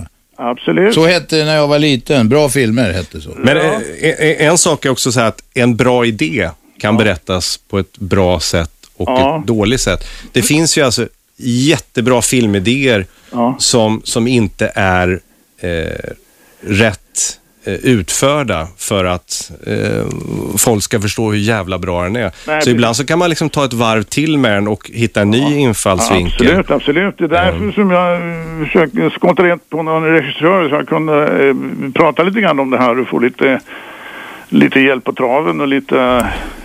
Sk- skriv, eh, skriv och skicka runt. Skriv en A4, det är det bästa sättet. Det är ingen som orkar läsa manus, hela manus. Nej, inte utan, manus, utan skriv på en A4 Ja. eh, där du har hela historien och om det är någon som tänder på det så utgår man från det. Du, jag kan göra så här. Eh, Gå in på Radio 1 hemsida. Där finns ett sånt här formulär där man kan mejla in. Okej. Eh, mejla in den där A4. Det går väl att mejla in ett A4 med en bil eller Ja, något. precis. Men det där som... Ja, men gör det. Jag lovar att läsa A4 och sen så skickar det till uh, Uffe eller någon annan i den mån jag inte tycker det är katastrof. Ja, okej. Ja, lycka till då, Bertel. Ja, lycka till. Ja, tack, Tack. då. Hej. Då har vi Johan på vänt. Varsågod Johan. Ja, tjena, tjena, tjena. Du, eh, Ulf. Ja, Jag skulle vilja prata om ditt största mästerverk. Mitt största mästerverk? Ja, Den elake polisen. Ja, ja, okej. Med Micke Dubois, salig Ja, fan. eh, Svullo. Vil- vilken hjälte. Ja, han var en fin kille. Det var ett tråkigt slut bara. Ja, de- definitivt. Men hur kommer det sig att du och en sån som Svullo hittar varandra då? Jag gick på en producentutbildning på SVT och vi skulle göra en sån här slutövning där jag eh, inte visste vad jag skulle göra och Christer Wiklund, en, en kille som jobbade på personalutbildningen, sammanförde oss. Och då var det inte svårare än så att vi gick upp till kostymförrådet och hittade ett par jättestora skor. Alltså de var en meter långa och så hittade vi en polisuniform och så gick vi ut på stan. Micke eh, drack sig full och jag filmade honom och så dirigerade han trafik. Och jagade människor och Ja, så här. fast det var, blev, var inte det som blev elaka polisen, utan det var Ja, själva okej. testet. Och det, vi märkte, fast han stod med alltså, meterlånga skor i polisuniform, så tog alla hans kommandon i trafiken. Ja. Så det var, det var, jag tänkte, det här är helt fantastiskt. Han De- har för trång skjorta och mössan på sned. Men och de tog honom som en riktig polis. Det var liksom intressant vad auktoriteten Föregivande av allmän ställning eller något sånt där heter det. Ja, det är det- det hade grav varit- olagligt. Det har varit... Eh, Ja, det var fantastiskt kul i alla fall. Jag kommer ihåg, jag var väl kanske inte sju, mer än sju, åtta år. Jag skrattade så jag grät. Ja, vad roligt. Ja, det var roligt. Mycket kul. Mm. Det var en eloge för. Tack. Tack snälla. Var det något mer Johan? Nej, Nej, Det okej. allt. Då tackar vi för detta. Hej så länge. Vem har vi med oss? Ja, hallå? Vem är det? Ja, det är Gunnar. Jag tänkte fråga vad eh, Kjell ställer sig till... Kjell, han heter inte Kjell, han Ja, heter Ulf. Ja. Ja. Ställer sig till... Filmgalor och uh, inbördes beundran inom filmbranschen. Eh, galor tycker jag är kul om man får, om, om du tänker på Guldbaggen och sådär. Det är väl den enda galan jag kommer på. Ja, jag har Eh. fått en Guldbagge. Ja, jag har fått två Guldbaggar. Mm. Eh, det är väldigt roligt man får dem. Men ska det är inte min alla inställning. yrkesgrupper ha det där då? Eh, du tycker det är fel att man har en gala? Ja, jag tycker det är perverst och det är samma sak med de här friidrottsgalorna och fotbollsgalorna. Det är, det är liksom, det är som man kräks alltså. Det står dig upp i halsen. Det står mig långt Vad, ner. vad, är, det som, vad är det som irriterar? Är, är Ja, att... det, det, är- alltså, det är så själv, det är såna här mycket självgoda människor som uh, tror att de är någonting. va. Ja. ja, jag förstår vad du menar. Vad, vad jobbar du med? Eh, ja, jag jobbar på bygge, ja. Men det, du har inte, ni har inga såna här galor? Det är ingen snickargala på gång. Bästa väggen. Ja, Ja. Jag tror vi, jag, ska, jag, tror, bästa gjutformen. jag ska säga så här att, att det finns Tack, mamma, inga mer... Tack, pappa. det finns inga som har sämre självförtroende än, än filmarbetare och skådisar kan jag säga. Ja, det kan jag förstå. Du, de vi, vi blåser väl upp oss då en gång om året. De kanske vi, behöver det, men, men så här byggnadssnickare eller andra jobb på byggen, de kanske har så jävla gott självförtroende på gränsen till stöddighet att de Men kanske inte inte behöver det. Men det är inte så att du är avundsjuk då med handen på Jo, det hjärtat? är klart jag är avundsjuk. Men, Ja, det var där det satt. Men jag, jag, jag kan förstå vad du menar också samtidigt. När man, när man tittar på svenska filmer så är det ju samma förbaskade skådespelare i varenda jävla film. I Ja. princip alltså. Och det, är- det, det är tragiskt. Helena Bergström. Ja, Helena Bergström och sen Kjell Bergqvist, han är ju med ta med fan allting. Ja, men den kan nog inte Uffe släppa. Nej. Ja, jag har jobbat Nej, mycket han med Kjell. duktig. Nej, men han är ju skitbra. Jo, men man ska väl inte, vad fan, får ju variera sig Ja, men Sverige är inte, Sverige är inte, vi liksom, vi har inte 250 miljoner människor här. Nej, men det finns, ja, det- Titta på amerikanska actionfilmer, hur många skådisar? Fyra, fem stycken som är alltid samma jävla thrillers i färg. Ja, men du, Men jag ska säga också så här att när, när, när jag, om jag åker taxi och så är det någon som känner igen mig som kör taxin och så säger han, vad har du på gång nu? Och så säger jag, ja, nu är jag en jättepretentiös historia om det och det och det. Så, ja, ja, ja. Då lyssnar de ett halvt år och så frågar de, vilka är med? Ja. Och, så, och så säger jag då så här, ja det är Jörgen Johansson, eh, Stina von Kraust. Vilka är det? Ja, det Ja. hittar ju bara på namn. Så, ja, det, är- det, de är helt okända. Då märker jag att de stänger av direkt. Det här är, eh, jag tror att du är den tiotusende som säger så, men som ändå inte vill se okända. Jag skulle jättegärna vilja se okända, men de måste ju också vara bra och det tar ju ett par år innan man det, har liksom... nu, nu för tiden finns det inga skådespelare, de har ju dött redan så att eh, Vilka, vil- vilka var dina favoriter? alla... Förutom eh, eh, Edvard Persson. Ja, Edvard Persson. Eller Tor Modén. Tor Modén hette han va? Han höll ju på med Ja. datorer på slutet. Eh, ja, vad ska jag säga? Uh, vad fan heter han som spottar sin helvete? Han som spottar. Ja, det, det går jag bet. Skåningen, vad fan heter han? Ja, Edvard Persson. R20, R20. R20. Jaså, ja, ja. Men han var ju med mycket när han väl levde. Men han var ju teaterskådis, va? Och Jo, jo. de... Han var, ju, han var ju upplärd på rätt sätt också. Du är konservativ. Ja. Men Ernst Günther då, måste du ha gillat. Han har Ja, också ja, lämnat, fan. eh, lämnat jag, kollar, jag, kollar, scenen. jag kollar på Bakellar här med honom. Fy fan vad bra. Ja, men Ernst Günther var bra, tycker jag också. Du, han hade en rolig grej, en bihistoria här. Jag hade ett tv-program där jag hade honom som gäst i soffan. Och då sa jag så här, "Men jag har svårt för teater för det är så jävla tillgjort. Ja, det tycker jag också, sa han. Jaha, är det något mer vi ska diskutera? Det, det utbildas ju väldigt, många skådespelare utbildas varje år? Jag vet inte hur många mer. Det går väl... Det går finns ju ett antal scenskolor. Det går ut någon mindre kull varje, varje halvår eller varje år va, från de där. Hundra kanske. De jobbar på sjukhus allihopa nästan va? Många gör nog Det det. är svårt att försörja sig som skådespelare. Ja. Ja. Ja, Du, det- Gunnar. Då ska, man vara, men du, då ska man vara sångare istället för där finns det massor med utbildningar Ja, och, och du vet eh, Big Brother och alltihopa. Ja, där. Big Brother, det är en bra Det blir man skola. inte rik på. Det är en bra skola. Jajamän. Du, Gunnar, vi säger så. Hej då. Hej då. Nu är Isabelle i studion med en nyhetspuff. Varsågod Isabelle. Radio 1. Aschberg. Ni hörde det säkert med egna öron i reklamen alldeles nyss. Vi har en tävling här som heter Öppen mick. Jag ger bort en av mina timmar här. Det är ju tre timmar om dagen. En timme ska vi ge till någon, vem som helst. Och man får vara två om man vill, eller kanske tre. Det har jag inte frågat chefen, men vi bestämmer det i alla fall. Man får vara tre också. Och då kan man få en hel timme eh, här. Eh, och detaljerna och allt det, det har inte jag i mitt huvud, utan det går ni in och tittar på radio1.se. Så, så någon får vinna en tävling. De får helt och hållet själva bestämma innehållet. Så var det med det. Uh, var det något mer jag skulle säga? Nej, det stämmer. Nej, det är det. Ulf Malmros eh, står här i studion och vi tar in samtal från allmänheten. Eh, jag har inte bestämt något ämne egentligen. Vi har snackat om allt från bögarna i Melodifestivalen till hur man bygger ett eh, manus, hur man berättar en bra story och så vidare. Med oss har vi, eh, vem är där? Vem är där? Ja, hallå, är det Magnus? Nej, du är busringare. Jag känner igen lössen på gången. Pontus, kom igen. Ja, tjena Ulf. Eh, Hej. Du, jag har en fråga som jag funderar mycket på. Det är varför det är så fruktansvärt svårt att få till en naturlig dialog i en svensk film. Eh, eh, Det låter, blir alltid så, så fruktansvärt pretentiöst. Det blir aldrig talsvenska. Det är mer som att man läser rätt ur texten. Mm. Eh, Jag vet inte om det är, eh, om man jämför det med exempelvis amerikansk film, om det är för att, för att eh, engelska är inte mitt modersmål, jag har svårare att se det, eller om det är för att vi har mycket teaterskådisar i Sverige som, som även gör film. Jag vet inte, vad tror du?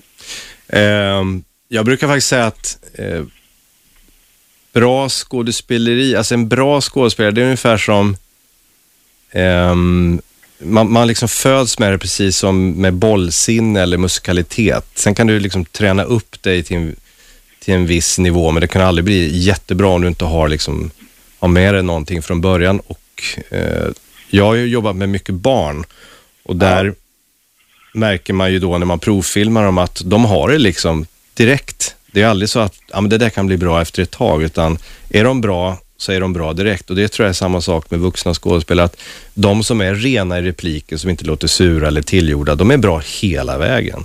Sen kan det också finnas det kan finnas omständigheter som gör att de är nervösa, att de är rädda för att säga fel, att de liksom vill att allting ska komma med i texten och så vidare. Men ehm, eh, för det mesta så är det, handlar det om att de ska vara bra redan från början. Sen finns det en sak till. Det är att du måste våga regissera dem eh, och inte ge dig. Eh, jag har ju haft liksom 40-50 omtagningar att jag liksom aldrig ger mig förrän de låter som folk pratar. Och, och i, ett, i ett manus, det går inte att skriva talspråk, det skulle ta så stor plats. Så att du måste ju själv som skådespelare liksom få till en liten brygga, lite och och men, stånka och stöna lite för att få repliken att bli levande och det liksom ingår i ditt jobb som skådespelare. Ja, jag tycker det verkar många som, som inte klarar av att göra det riktigt. Eh, Sen är det ju väldigt varierande på film och Fast vet du vad, jag tycker att det har blivit väldigt, väldigt mycket bättre. Det har blivit jättemycket bättre om du jämför med bara för tio år sedan, när, när det var liksom i var och varannan film så lät folk som konstaplar från eh, 40-talet. Menar ni att eh, polisen har varit eh, här? Ja. Eh, men jag, sen handlar det väl om hur det är på inspelningsplatsen, att det är en avslappnad stämning eller eh, och, och, och att det är spelbar dialog. Mycket dialog är ju skrivbords, en skrivbordsprodukt. Och, och pratar vi om deckare så är det hela tiden väldigt mycket inf- information som bara ska liksom spottas ur. Så det är väldigt svårt att liksom prata naturligt om det, om det är liksom ett språk i manus som, som helt enkelt inte är naturligt. Ja, ja. ja, ja. Nej, jag. Men jag håller med dig, men tycker du inte att det har blivit bättre i alla fall? Jo, jag, jag tycka att det blivit lite bättre. Sen görs det ju för fruktansvärt mycket deckare i Sverige i förhållande till hur mycket film det görs överhuvudtaget. Jo. Eh, kan jag tycka. Och där eh, känns det ofta som att där är ju inte eh, dialogen prio ett. Nej. Det blir väldigt, eh, jag vet, det känns väldigt onaturligt många gånger. Men vet du vad, jag, jag föredrar faktiskt eh, en lite stelare spelstil än de här, eh, nu tänker jag inte säga några namn här, men de här som får för sig att de ska improvisera när man bara liksom trampar vatten. För då kan man också luras och tro att det här är ju naturligt, precis så här pratar folk. Men film är ju inte en dokumentärfilm, utan det är ju, du ska liksom hushålla med tiden och du ska liksom framåt i handlingen. Eh, så att om det bara är målet är att det ska låta naturligt och de pratar liksom lite om vad som helst så kan man liksom falla för det men efter ett tag i filmen så börjar man trötta för man märker att det här är ju bara liksom, det är ju bara babbel. Ja, precis. Ja, men en, van, en vanlig diskussion två eh, personer emellan i en film som man tycker borde vara så enkel eftersom man har dem i, i sin egen vardag jämt. Jo, men vet du vad, det är skillnad. Eh, eh, En scen som är två minuter vid ett köksbord Ja. i en film, det är ganska långt. Två minuter i verkligheten är ingenting. Nej. Alltså en, en, en, en, en, en morgondiskussion med två människor vid ett köksbord i verkligheten kanske är liksom 45 minuter. Men på, i filmen så ska den också leda in till nästa scen. Det ska liksom vara en konflikt som ska lösas. Det kan inte bara vara att de pratar om flingor. Eh, kan vara, det kan bli bra det också, men, men för det mesta så ska liksom handlingen framåt. Och då måste du komprimera språket samtidigt som du ska få det att låta naturligt och ledigt. Och det är det som är utmaningen och det som är det roliga och försöka lösa det. Ja, precis. Bra, nu vet du Pontus, det är många som ringer. Det är bra. Ha det bra. Hej, Tack, hej, hej. Vem har vi där? Hallå? Ja, hej du, det är Lars här. Varsågod Lars. Hej, jag tänkte fråga dig eh, vad du anser om Ingmar Bergmans filmer. Ja, det är inte mig du menar, du menar Uffe då. Ja, Ja, du får också svara om du vill. ja det ska jag, men jag, Uffe får svara först. Han, eh, alltså, Fanny och Alexander tycker jag är ett mästerverk rakt av. Och hans tv-serie från början av 70-talet, kommer inte ihåg exakt vad den hette, med Erland Josefsson, Scener ur ett äktenskap tror jag den hette. Tycker det var väldigt, väldigt bra.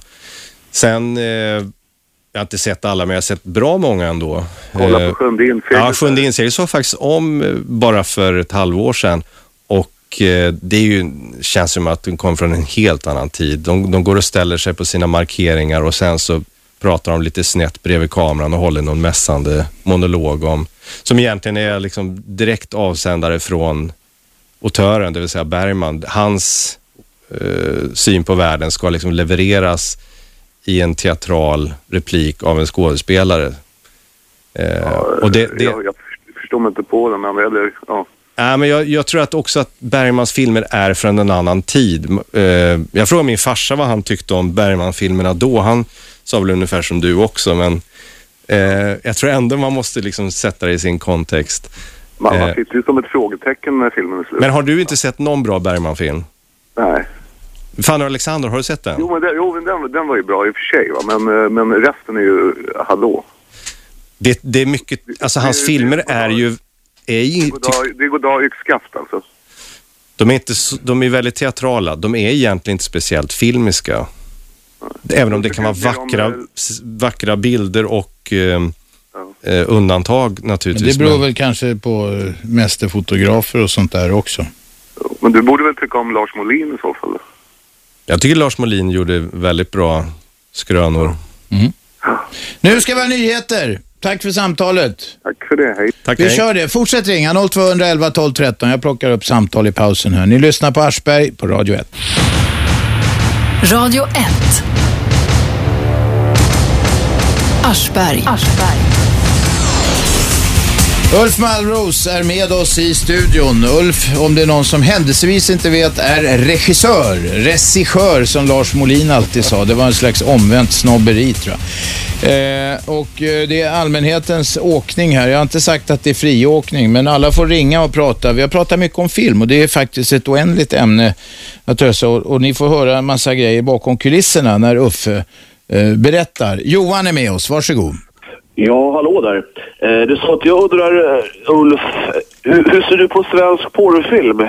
Ja, busringare. Fan att de orkar hålla på. Att de orkar Jag är hålla sugen på. på att svara. Ja, men svara nu då. Vänta, vem är där? Hallå? Vem tar, är det Albin? Ja, precis. Kan du vänta ett tag ska Uffe svara på hur han ser på svensk porrfilm då? Nej, men jag, det finns väl ingen? Gör det Nej, jag tror inte det finns någon Framförallt så nu. finns det ingen porrfilm med, med stories, kan jag tänka mig. Nej, nej, de går in i en hiss. I bästa fall åker de hiss, sen börjar de göka Ja. så det står härliga till. Eller ohärliga till. Man blir inte kåt av eländet Nej. i alla fall. Eh, jag tror inte det finns något. Det är Nej, väl jag tror inte det. en och annan amatörfilm. Det är nog ingen som blir rik på skiten i alla fall. Förlåt utvikningen. Albin, etern är din. Ja, precis. Jag tänkte först på det där med eh, skådespelarnas taskiga repliker ibland, där att man kör lite teaterlinjen. Mm. Det där ställde jag en fråga till en skådespelare och han hävdade ju liksom att det har mycket med pengar och tid, just det där du var inne på regissörsbiten. Kollar man många duktiga skådespelare som har gått in och försökt göra en såpa eller någonting som faller Ja. pladask på grund av att det är snabba klipp, snabba tagningar. ja. Fast det är, inte, det är nog inte riktigt sant heller. Det är klart att det behövs ju alltid någon form av tid för att kunna slipa något. Om man, man, man, om man bara kan ta en tagning så är det klart att det riskerar att bli dåligt. Men Jag Samtidigt... tänker lite de massproducerade Beck, typ så här 22 stycken filmer till TV4 som hade Ja. på bio liksom. Det är inte så konstigt om... Fast det, det, det, jag svarar på den frågan, det var någon som ringde in alldeles nyss. Och då, Ja, jag hörde. Ja, nej, men då, det, det är ju ibland omöjliga repliker att, att, att säga, så det kan vara, vara, vara anledningen. Och naturligtvis att det går snabbt, men sen också kan det ju faktiskt bero på dålig regi och eh, en illa förberedd skådespelare. Så kan det ju Jo, men vara. jag tänkte lite det att om man liksom ska massproducera många långfilmer på en gång då... Men du, Ja, då- det är klart som fan att det blir större explosioner och kanske till och med bättre repliker i amerikanska filmer när du kan lägga på en nolla till att börja med på budgeten och sen fatta att den nollan, det var dollar istället för kronor och så va?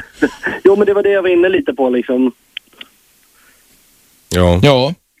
Och, Nej, men- och sen tänkte jag på det här med filmer, svensk film. eh, Jag, jag personligen föredrar ju svenska relationsdrama, alltså skildringar av verklighet, skildringar av, ja men tillsammans, ja. Nina Frisk, Masjävlar.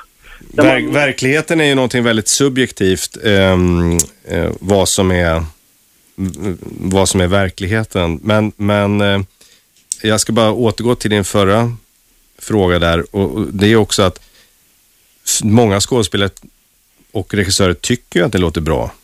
Det är inte så att de går därifrån alltid och säger att det här lät inte bra. En del har ju liksom en stil som nästan är teatral och de har liksom har gjort till sin. Så att det, är, det är också väldigt subjektivt det där vad som är en bra skådespelare och vad som är en rättsagd replik. Är du med mig? Ja, absolut, det, det är helt med. Men, Ja. eh, men det, det, det, man måste ha någon sorts tonöra i alla fall tror jag. Ja, man får inte vara tondöv. Tack Albin. Tack. Hej. Jerka, varsågod. Ja, ja god dag herr regissör. Hej! Hej. Eh, jag tänkte på... Nu har du sett filmen Gräsänklingar från 80-talet med Gösta Ekman och Loffe Karlsson? Ja, Hasse Iverberg regisserar den. Ja, underbar film.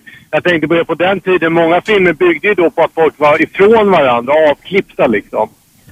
Så sådana där filmer skulle inte gå att göra idag med all mobiltelefoni och... Ja, du menar så ja. Ja. Det, det, det, där, det här är en jättebra fråga.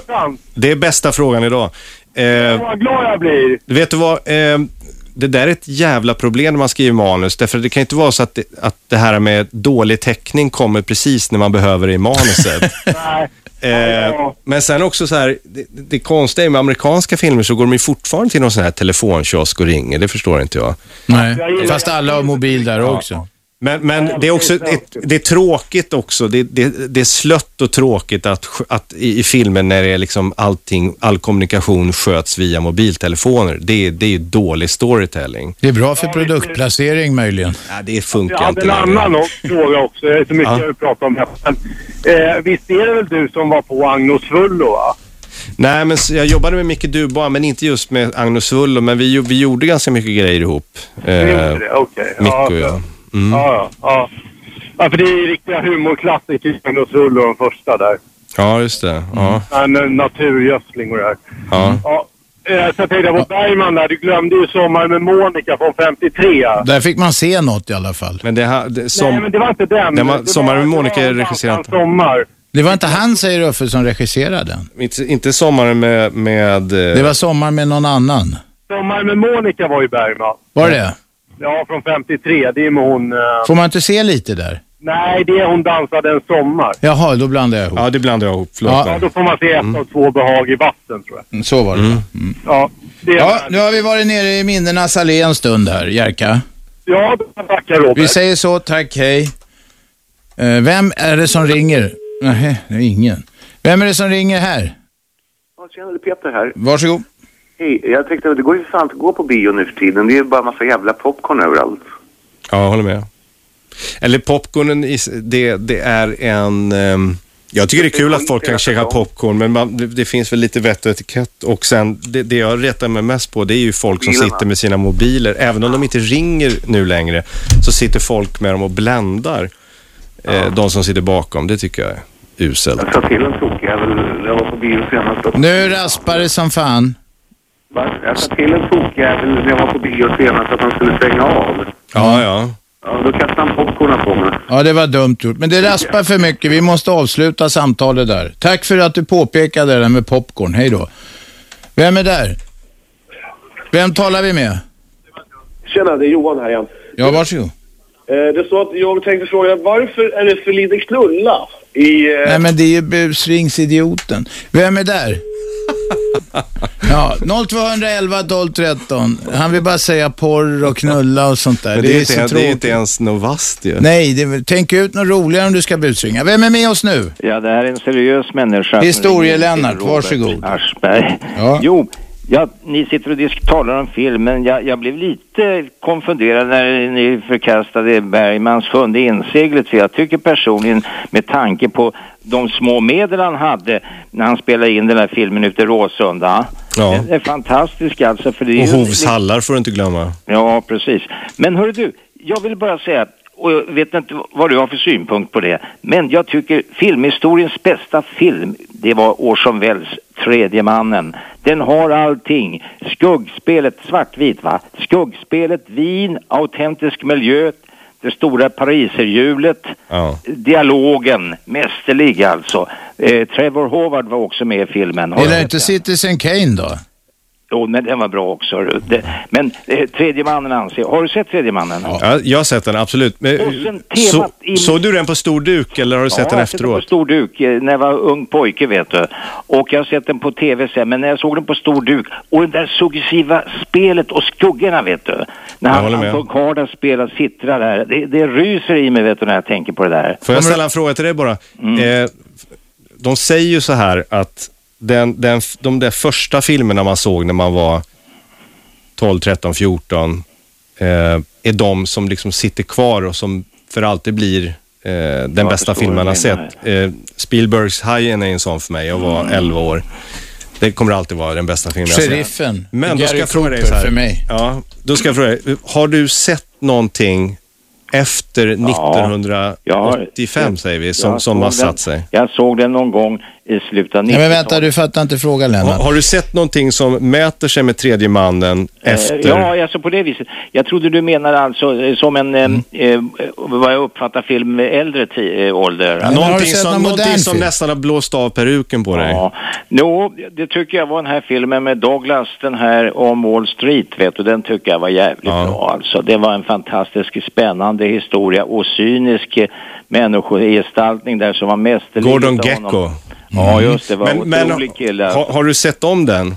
Ja, jajamensan. Den har jag sett två eller Mm. tre gånger, vet du. Men tredje mannen har jag sett tre eller fyra gånger och den, den eh, håller jag mycket Lennart, du som är, eh, har en viss erfarenhet, tidsmässigt i alla fall.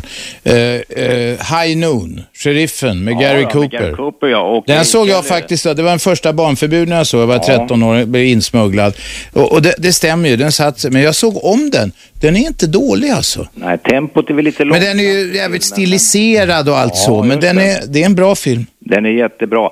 Eh, Och eh, Grace Kelly slog ju igenom i den rollen. Ja, ja. du. Så att det är många fina filmer man har sett genom åren. Men en av mina stora idoler, det låter lite barnsligt nu, det var faktiskt eh, Johnny Weissmuller när han spelade Tarzan.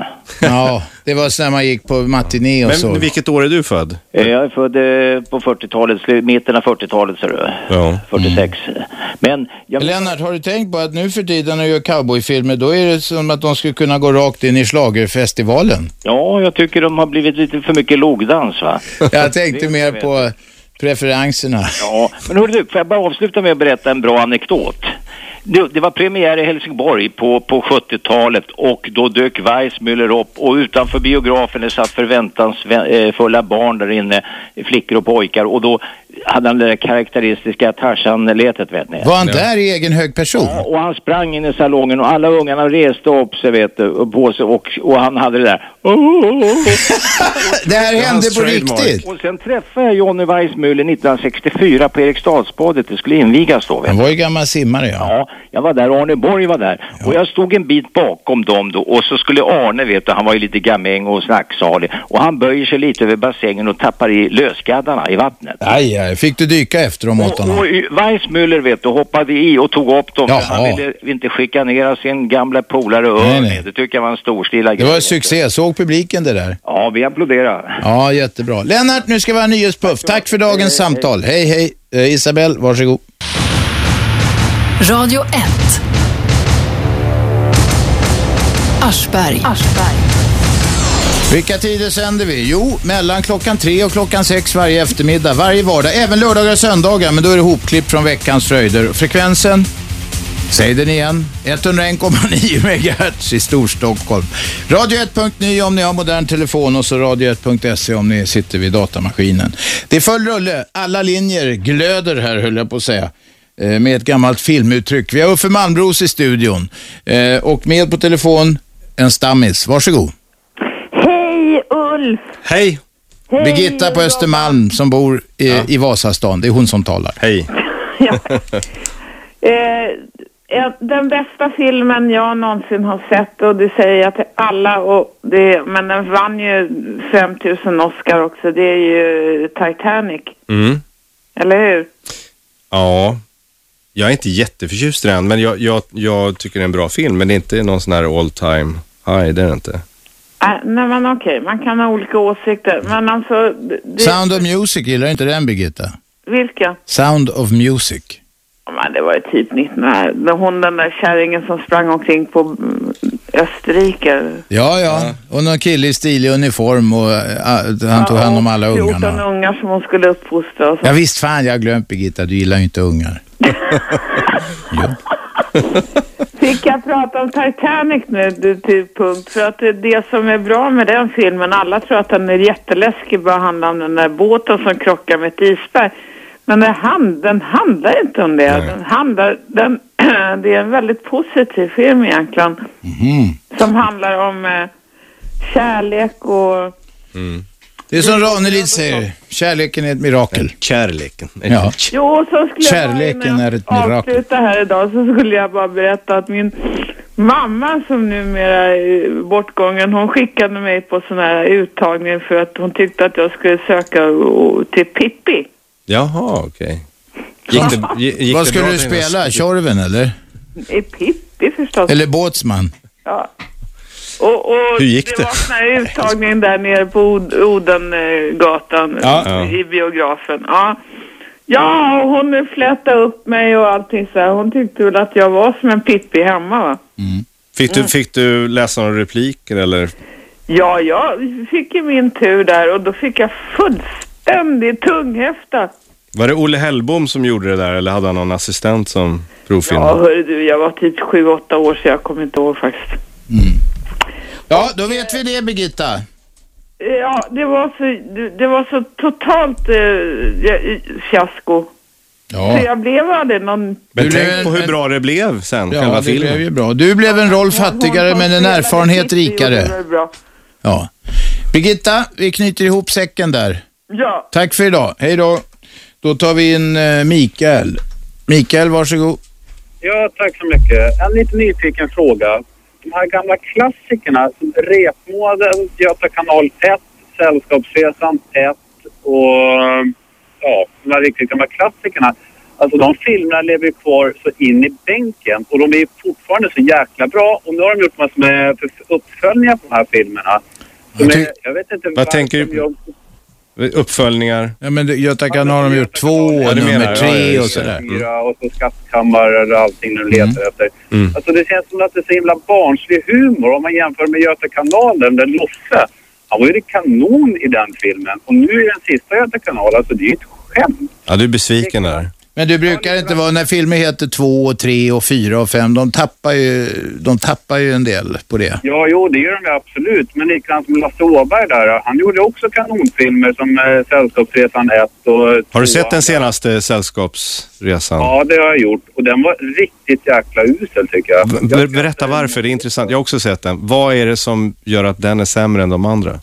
För det första så går inte historien ihop med de andra, men det spelar ju egentligen ingen större roll.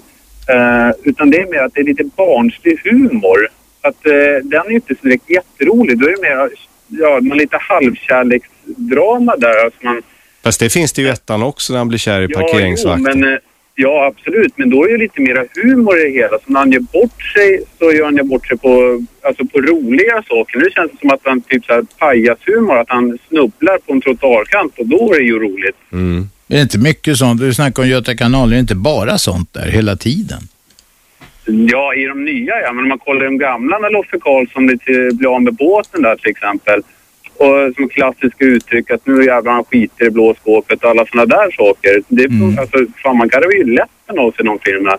Och nu är det, hittar han på några andra ord som man eh, skit på dig till exempel. Jag förstår liksom inte vad Det, han har ju inte hittat på de där orden, vare sig det ena eller det andra, men han använder det kanske på ett, sätt som tilltalar och dig. skitit i det blå skåpet, det har han nu faktiskt kommit på själv. Det, Ja, det är möjligt. Jag, jag, det kan jag inte svara på. men Men, det men Men skit alltså, på det är väl kanske ett äldre uttryck. Ja, jo det. Men Det fattas ett skåp där.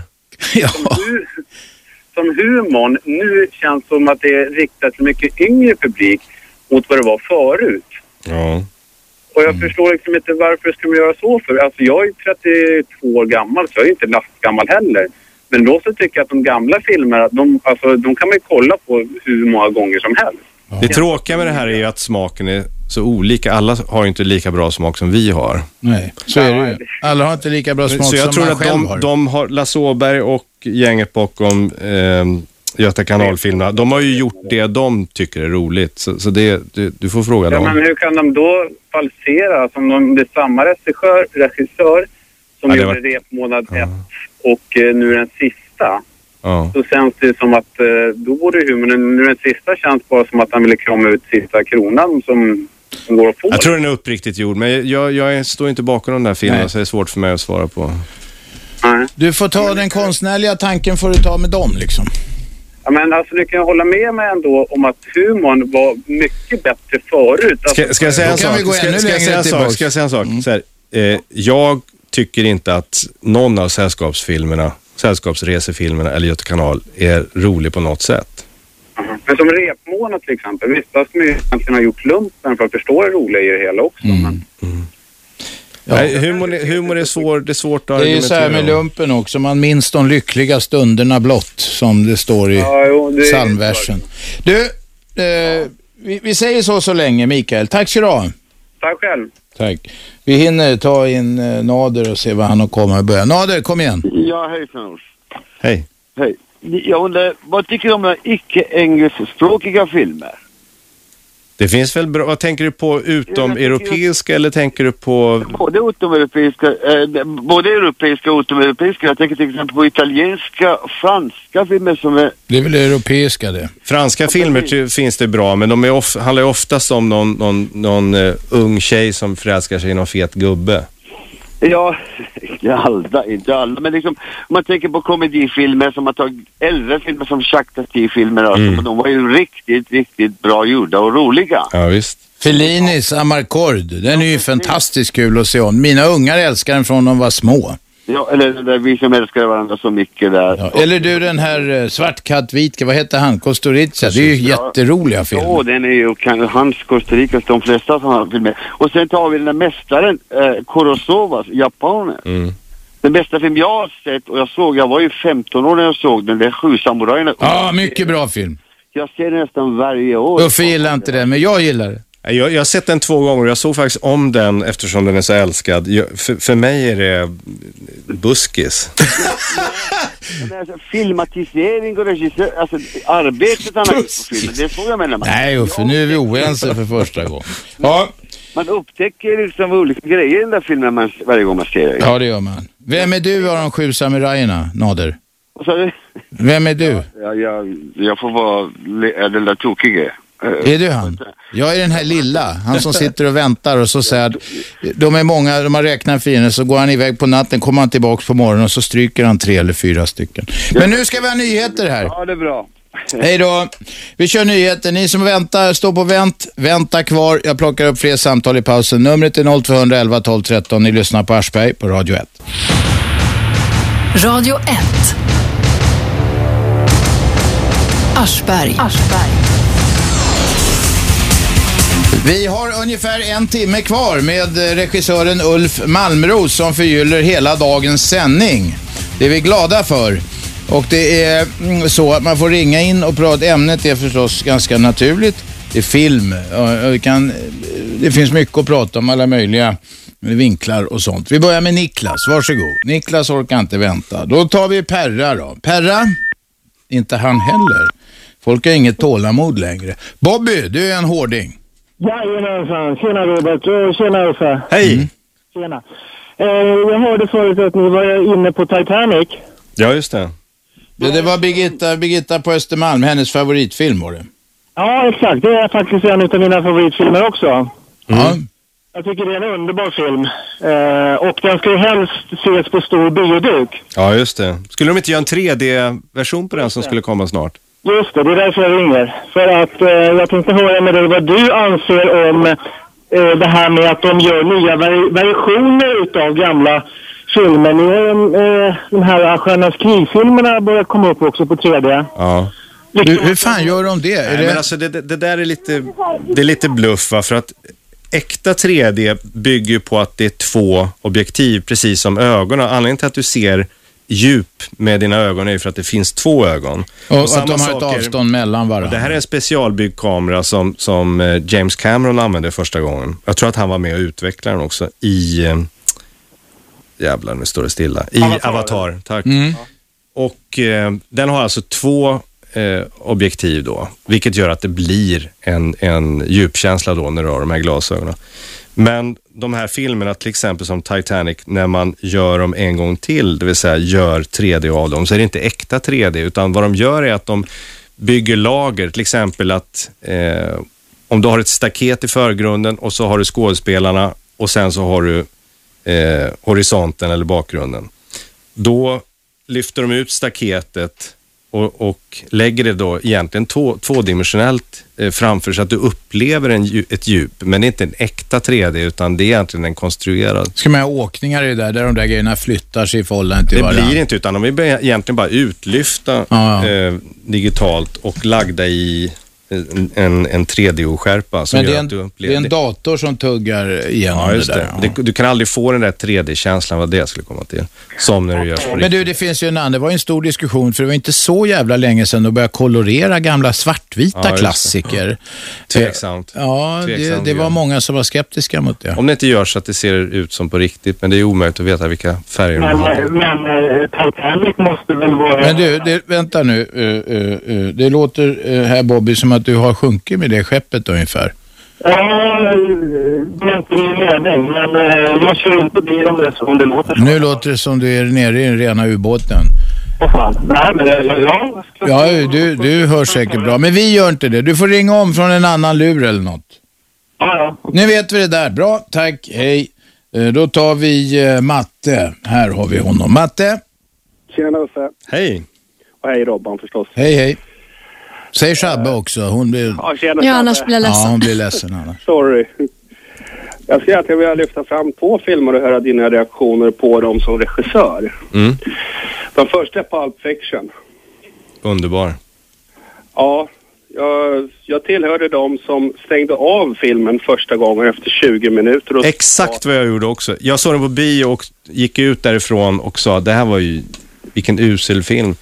Ja, Sen såg jag om den och inte för att jag hade hört från alla andra vad bra den var, utan jag, jag såg verkligen att det var en, en, en riktigt, riktigt bra film. Det är en humörsfråga det där också när man ser en film faktiskt. Man kan faktiskt vara på fel humör för en film. Ja, för att eh, där... Ja, jag vet inte hur du tänker som regissör, för den är, den är nämligen så himla annorlunda jämfört med många andra filmer. Den är både enkel och, och komplicerad på en och samma gång. Precis, och det kanske är Tarantino ett nötskal. Hans, hans filmer är ju intressanta också för att det är ju egentligen inte så många scener utan eh, om du har sett den här Inglourious Bastard som är ett mästerverk. Ja, det har jag. Hur lång den här första scenen är innan nazisterna skjuter genom golvet. Det är jättelångt och det är väldigt, väldigt spännande och det tycker jag han är eh, faktiskt eh, unik i den A-klassen. Just det här med att scenerna får spela ut sig, att de inte är så här korthuggna. Utan att de är väldigt, det är bra dialog han skriver naturligtvis. Sen i komedi, som, ja, det är många, jag är vet du, ja, 45 plus då, då. Sen i komedier som många, i varje fall min ålder, missar, som jag gillar då, då speciellt, det är engelsk komedi. Och det är som jag tänker på nu, det är Lock, Stock and Two Smoking Barrels. Det är så lite samma genre som Pulp Fiction, är det inte det?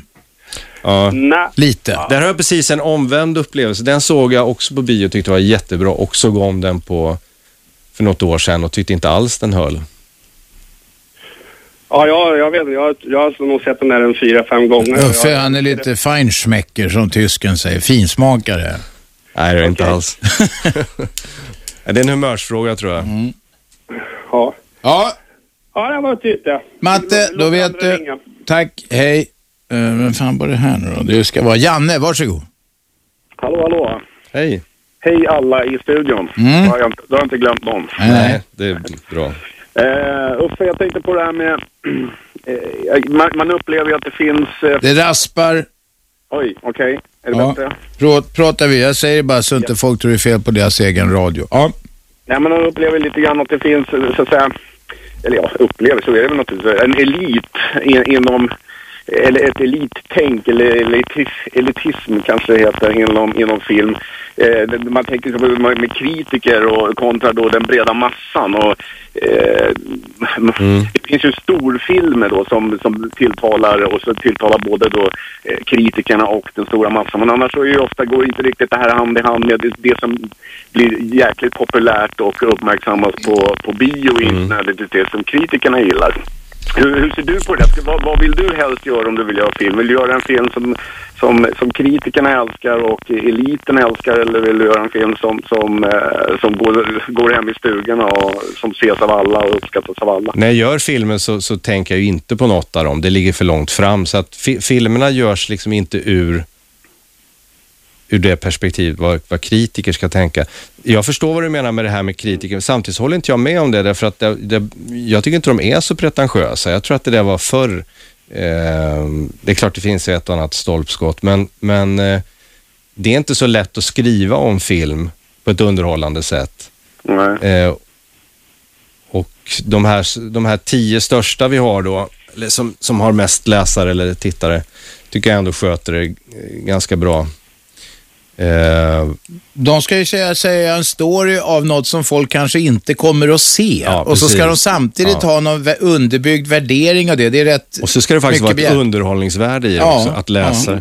Men, men, ehm, eh, Ja, men det, är ofta, det blir ofta det lite, man upplever i alla fall att men så här är det också, så här, om du ser väldigt, väldigt mycket film, eller läst filmhistoria eller sådär, så, så förfinar du din smak. Det är precis som, inom sport, när, om du bara slår på en kanal och ser en sport som du inte kan reglerna i, eh, då tycker du det är helt obegripligt och du kan inte se skillnad på ett kast hit eller kast dit. Varför var det bättre än det andra? Men, men ju mer tid du investerar i det här, desto bättre kommer du att eh, uppfatta saker och du förfinar din smak. Och jag tror att många kritiker är väldigt, eller tror, de flesta är allmänbildade när det gäller film och då upplevs det som, som eh, snobberi, kanske av folk som inte ser eller konsumerar film på det sättet. Så det där kan nog aldrig liksom mötas riktigt. Det är lite så här som att Astrid Lindgren skulle ha Nobelpriset, det är på den nivån. Va? Förstår du vad jag menar? Att det, hen- Hennes historier är gulliga och fantastiska, men det är ju inte Nobelprisnivå. Va? Så att egentligen är det ju samma sak där att om, om, om filmer som, som har en stor och bred publik per automatik skulle ha liksom höga betyg av, av recensenter, då skulle ju liksom poängen vara borta. Då skulle i sådana fall den som har sålt flest böcker få Nobelpris. Ja. Ja, nej, okej. Ja, vi säger så. Jag förstår vad du menar. Ja. Jag, förs- jag förstår inte själv vad jag menar nämligen. Nej, men det är bra att någon gjorde det i alla fall. Ja, tack så du ha. Hej. Vem har vi där? Hallå? Ja, vem talar vi med? En kvinna, äntligen. Ja, du, är det framme dagens först? Nej, Birgitta hade vi. Ja, du är dagens andra. Ja, det är Eliana här. Ja, Ska jag lägga på? du ska framförallt skruva ner radion så slipper vi höra det där ekot. Ja, ja sådär. Nu kom, du förekom mig. Ja, För min favoritfilm har jag sett fem gånger. Och det är Amarcord. ja men då är vi, då är vi två. Ja, jag Det är en av mina den. favoritfilmer. Också. Ja, och, och jag tyckte mycket om Catherine Hepburn och, och, och många andra. Men, var, Ja. jag hade Men hon var inte med där. Nej, inte alls. Nej, nu hoppar jag till något annat. Ja. Nej, den, den tyckte jag var fantastisk. Men nu hann du före mig. Men jag hade tänkt säga det. Det var bara det. Ha Det var det hela? Ja, det var bara det. Att, att jag älskar den där filmen. Ja. Mm. Tack Hej för ett kärnfullt budskap. Hej så länge. Vem har vi med oss? Det är Fredrik här. Varsågod. Hej Ulf. Hej. Tack för uh, dina fantastiska filmer genom åren. Framför- Mina favoriter är ju framförallt uh, Kännare kungen och Bröllopsfotografen. Tackar. Du har jobbat en del med Kjell, Kjell Bergqvist. och Jag, jag tycker det är en av Sveriges idag bästa manliga skådespelare. Och, eh, och, vad- vad, vad tycker du om honom som skådespelare? Hur står han sig i fältet? Jag tycker han är väldigt bra. Dels är han rolig att jobba med och sen så är han, tillhör han de där skådespelarna som kan säga en rep- replik eh, eh, helt naturligt. Han, han har en energi också. Och den han är inte rädd för kameran heller, vilket är väldigt bra. Har du sett den här 30 grader februari som har gått? Jag har bara sett första avsnittet, men jag har hört om hans karaktär i rullstolen där. Ja, det är helt sanslöst. Du, en annan kort fråga bara. Jag, jag jobbar lite grann med, med färg, alltså kalibrering och sånt när det gäller just tv-apparater och skärmar och sånt och, och i videosammanhang. Och jag, jag har upptäckt att i dina filmer så är det alltid, framförallt om vi tar nu Tjänare kungen, så jag vet inte, men det känns som att det var en väldigt, eh, det låg lite tanke bakom hela färgkänslan av den filmen. Att man skulle få lite grann den här 80-talskänslan. Ja. Jo, men det, Eh. gör, det gör det.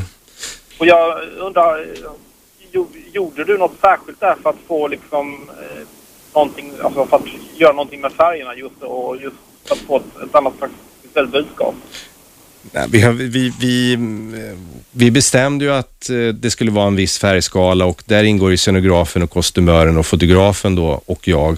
Så ge- bestämmer man sig för en palett och så håller man sig till den. Och då får man den där looken. Ja, det var himla läckert i alla fall. Ja, bra. Tack så du. Nu är Isabelle i studion. Vad har hänt i världen? Radio 1. Aschberg. Ulf Malmros eh, sitter, nej, står i studion och är beredd att svara på ringarnas eh, samtal om film, eh, skådespeleri med mera. Och vi, nu hade vi, vi tar in honom du direkt här. Det är Bobby som vi tappar för han hade rutten telefon. Nu har han bra lina, varsågod. Ja, tack så mycket. Tjena igen Ulf. Hej. Hej. Jo, jag hann inte avsluta mina frågor här. Jag ringer för en ny lina. Jag tänkte höra, eh, det har ju gått eh, en inflation i det här med boxar idag, om man köper DVD-boxar. Ja. Och eh, hur, hur kommer det sig? Har vi mer tid idag än för tio år sedan tror du? Att, att det har blivit så populärt det här med boxar, att man kan sitta en hel helg och bara nöta, till exempel gå igenom säsong 1, säsong 2, säsong 3 och så vidare. Eh, har vi mer tid idag än vi hade för 10-15 år sedan? Är det inte så att folk inte har tid att vänta på nästa vecka, nästa veckas avsnitt? Jag, hat, jag ser aldrig en serie som går så här ve- vecka. Jag köper mycket hellre en box och sitter och tar, kan ta på semester Ja. eller en helg och så. Då kan man sitta verkligen och se det reklamfritt dessutom Ja, ja, om det nu är något som Jag går tror på det är reklam. det är det som är anledningen. Man, man vill se det direkt liksom, och bestämma själv när man ska se det. Folk passar nog tider mer och vi håller på att bli bortskämda, vilket jag tycker är jättebra, med att man kan se vad man vill när man vill. Ja, ja visst. Ja. Är det inte lite synd det här med, med det här? Förut var det lite unikt med att gå på bio och se en film. Ja. Nu, nu så kommer ju filmen ut ganska så snart efter premiären, först på DVD och sen på TVn. Var det inte lite bättre förr liksom när man, när det inte var så tillgängligt allting? Ehm, menar? Ja, på ett sätt håller jag med om. Alltså för det första så har inte biobesöken gått ner de senaste 20 åren, utan de ligger ungefär på 16 miljoner biobesök per år. Eh, däremot så tycker jag ju att fyra månader är för kort. Som idag är spannet mellan det som man kallar första fönstret, biovisningen, till Ja. DVD. Fast i nya filmavtalet så går det där fönstret bort. Alltså, ja, ja. ja. ja. Jag, ty jag tycker att det är, ehm, de kommer för snabbt och man, det är tråkigt att prata om publiken, att man lär dem någonting, men man lär publiken att Äh, vad fan, vi behöver inte gå på bio. Nej. Den där kommer ju snart. Det står Ja. ju i reabacken Ja. efter liksom sju, åtta Pre- månader. precis så känner jag inför Sean Banans nya rulle. Ja. Att jag känner att nej, jag kan lika gärna vänta på DVDn va. Det, den har ju gått ganska dåligt också. ja, den går inte så bra. Det kanske inte är en sån här jätte... det kanske inte blir en, går till filmhistorien som en klassiker heller. Inte över hela världen i alla fall. Nej. Och, och sen eh, tänkte jag fråga, är det du som har regisserat Åsa-Nisse nya? Nej, Nej. Nej, okej. men Robban har varit inblandad. Ja, jag har varit inblandad. Jag är en av, jag är, vad heter det, Exeku en av de exekutiva producenterna. Det är en fin titel som inte betyder mer än att jag har in lite stålar i det, som jag hoppas jag ska få tillbaka så småningom. Ja, jag måste ju säga Robban att det var en riktig kalkonrulle. Nej, nej, nej. För att vara Åsa-Nisse-film var det, var det det bästa som någonsin har gjorts. Ja, det var så dåligt så den var bra. Nej, nej, nej, nej, nej. Du har du missförstått allt. Du går och ser den en fyra, fem gånger till. Du pratar alltså med en exekutiv producent där. Ja, måste du pratar alltså för döva öron. Jo, det, var så här när jag gick i gymnasiet så torterade våran eh, fysiklärare oss med att i all, alla fall två gånger i veckan eh, vi, sätta på den här filmen Solaris. Har Ja. du sett den? Tarkovsky. Ja. Och han, han eh, nö, nötte och nötte så att vi var tvungna att se den här filmen. Så att det, det har liksom, jag vet inte, jag har såg aldrig storheten med den filmen. Vad var, det för, vad var det för speciellt med den filmen? Alltså för det första så var det ju, den kopian som cirkulerar i Sverige är ju fruktansvärt dåligt skannrad. Alltså den ser ju väldigt illa ut. Det gjorde ju säkert inte originalet. Eh, för ni såg den på VHS då? Ja, eller? ja, exakt. Eh, jag tror egentligen att det är en ganska snygg film, men att den, den ser ju väldigt tråkig ut. Okej, nej Eh. han ville få fram något budskap till oss eh, som satt och tittade men jag tror inte det var någon som förstod vad, det, vad han ville Men vi visa. pratar alltså en, en rysk film. En, Ja. en, en, han var ju en reg- regimkritiker egentligen. Så jag tror att hans filmer handlade om, det var ju inte lätt att uttrycka någon, någon kritik heller, så det fick vara väldigt sublimt. Du var på Sovjettiden Ja, alltså. det, det var, var tvungen att göra väldigt, väldigt många lager ner för att inte det skulle liksom upptäckas av eh, KGB. Okej. Så att eh, därav att de kanske var lite luddiga. Ja, väldigt- jag vet inte, det är bara någon egen teori. Ja, Okej, men det har ju gjorts en ny version också med George Clooney också. Ja, just det. Precis. Har, du- har du sett den? Den har inte jag sett. Nej, nej okej. Matte, det är många som ringer. Tack ska du ha. Ja, tack. Hej. Vad fan lyfter jag på luren för? Det behöver jag inte göra här nu. Jaha, då ska vi se. Janne, kom igen. Ja, hallå. Mm. Eh, Ka- Kalle, Kalle, Kalle heter jag. Var det Kalle? Eh, Ja, det är jag som har rört till allting. Kom igen i alla fall. Ja, ja eh, det är ju som så att jag undrar fortfarande, blir det knulla?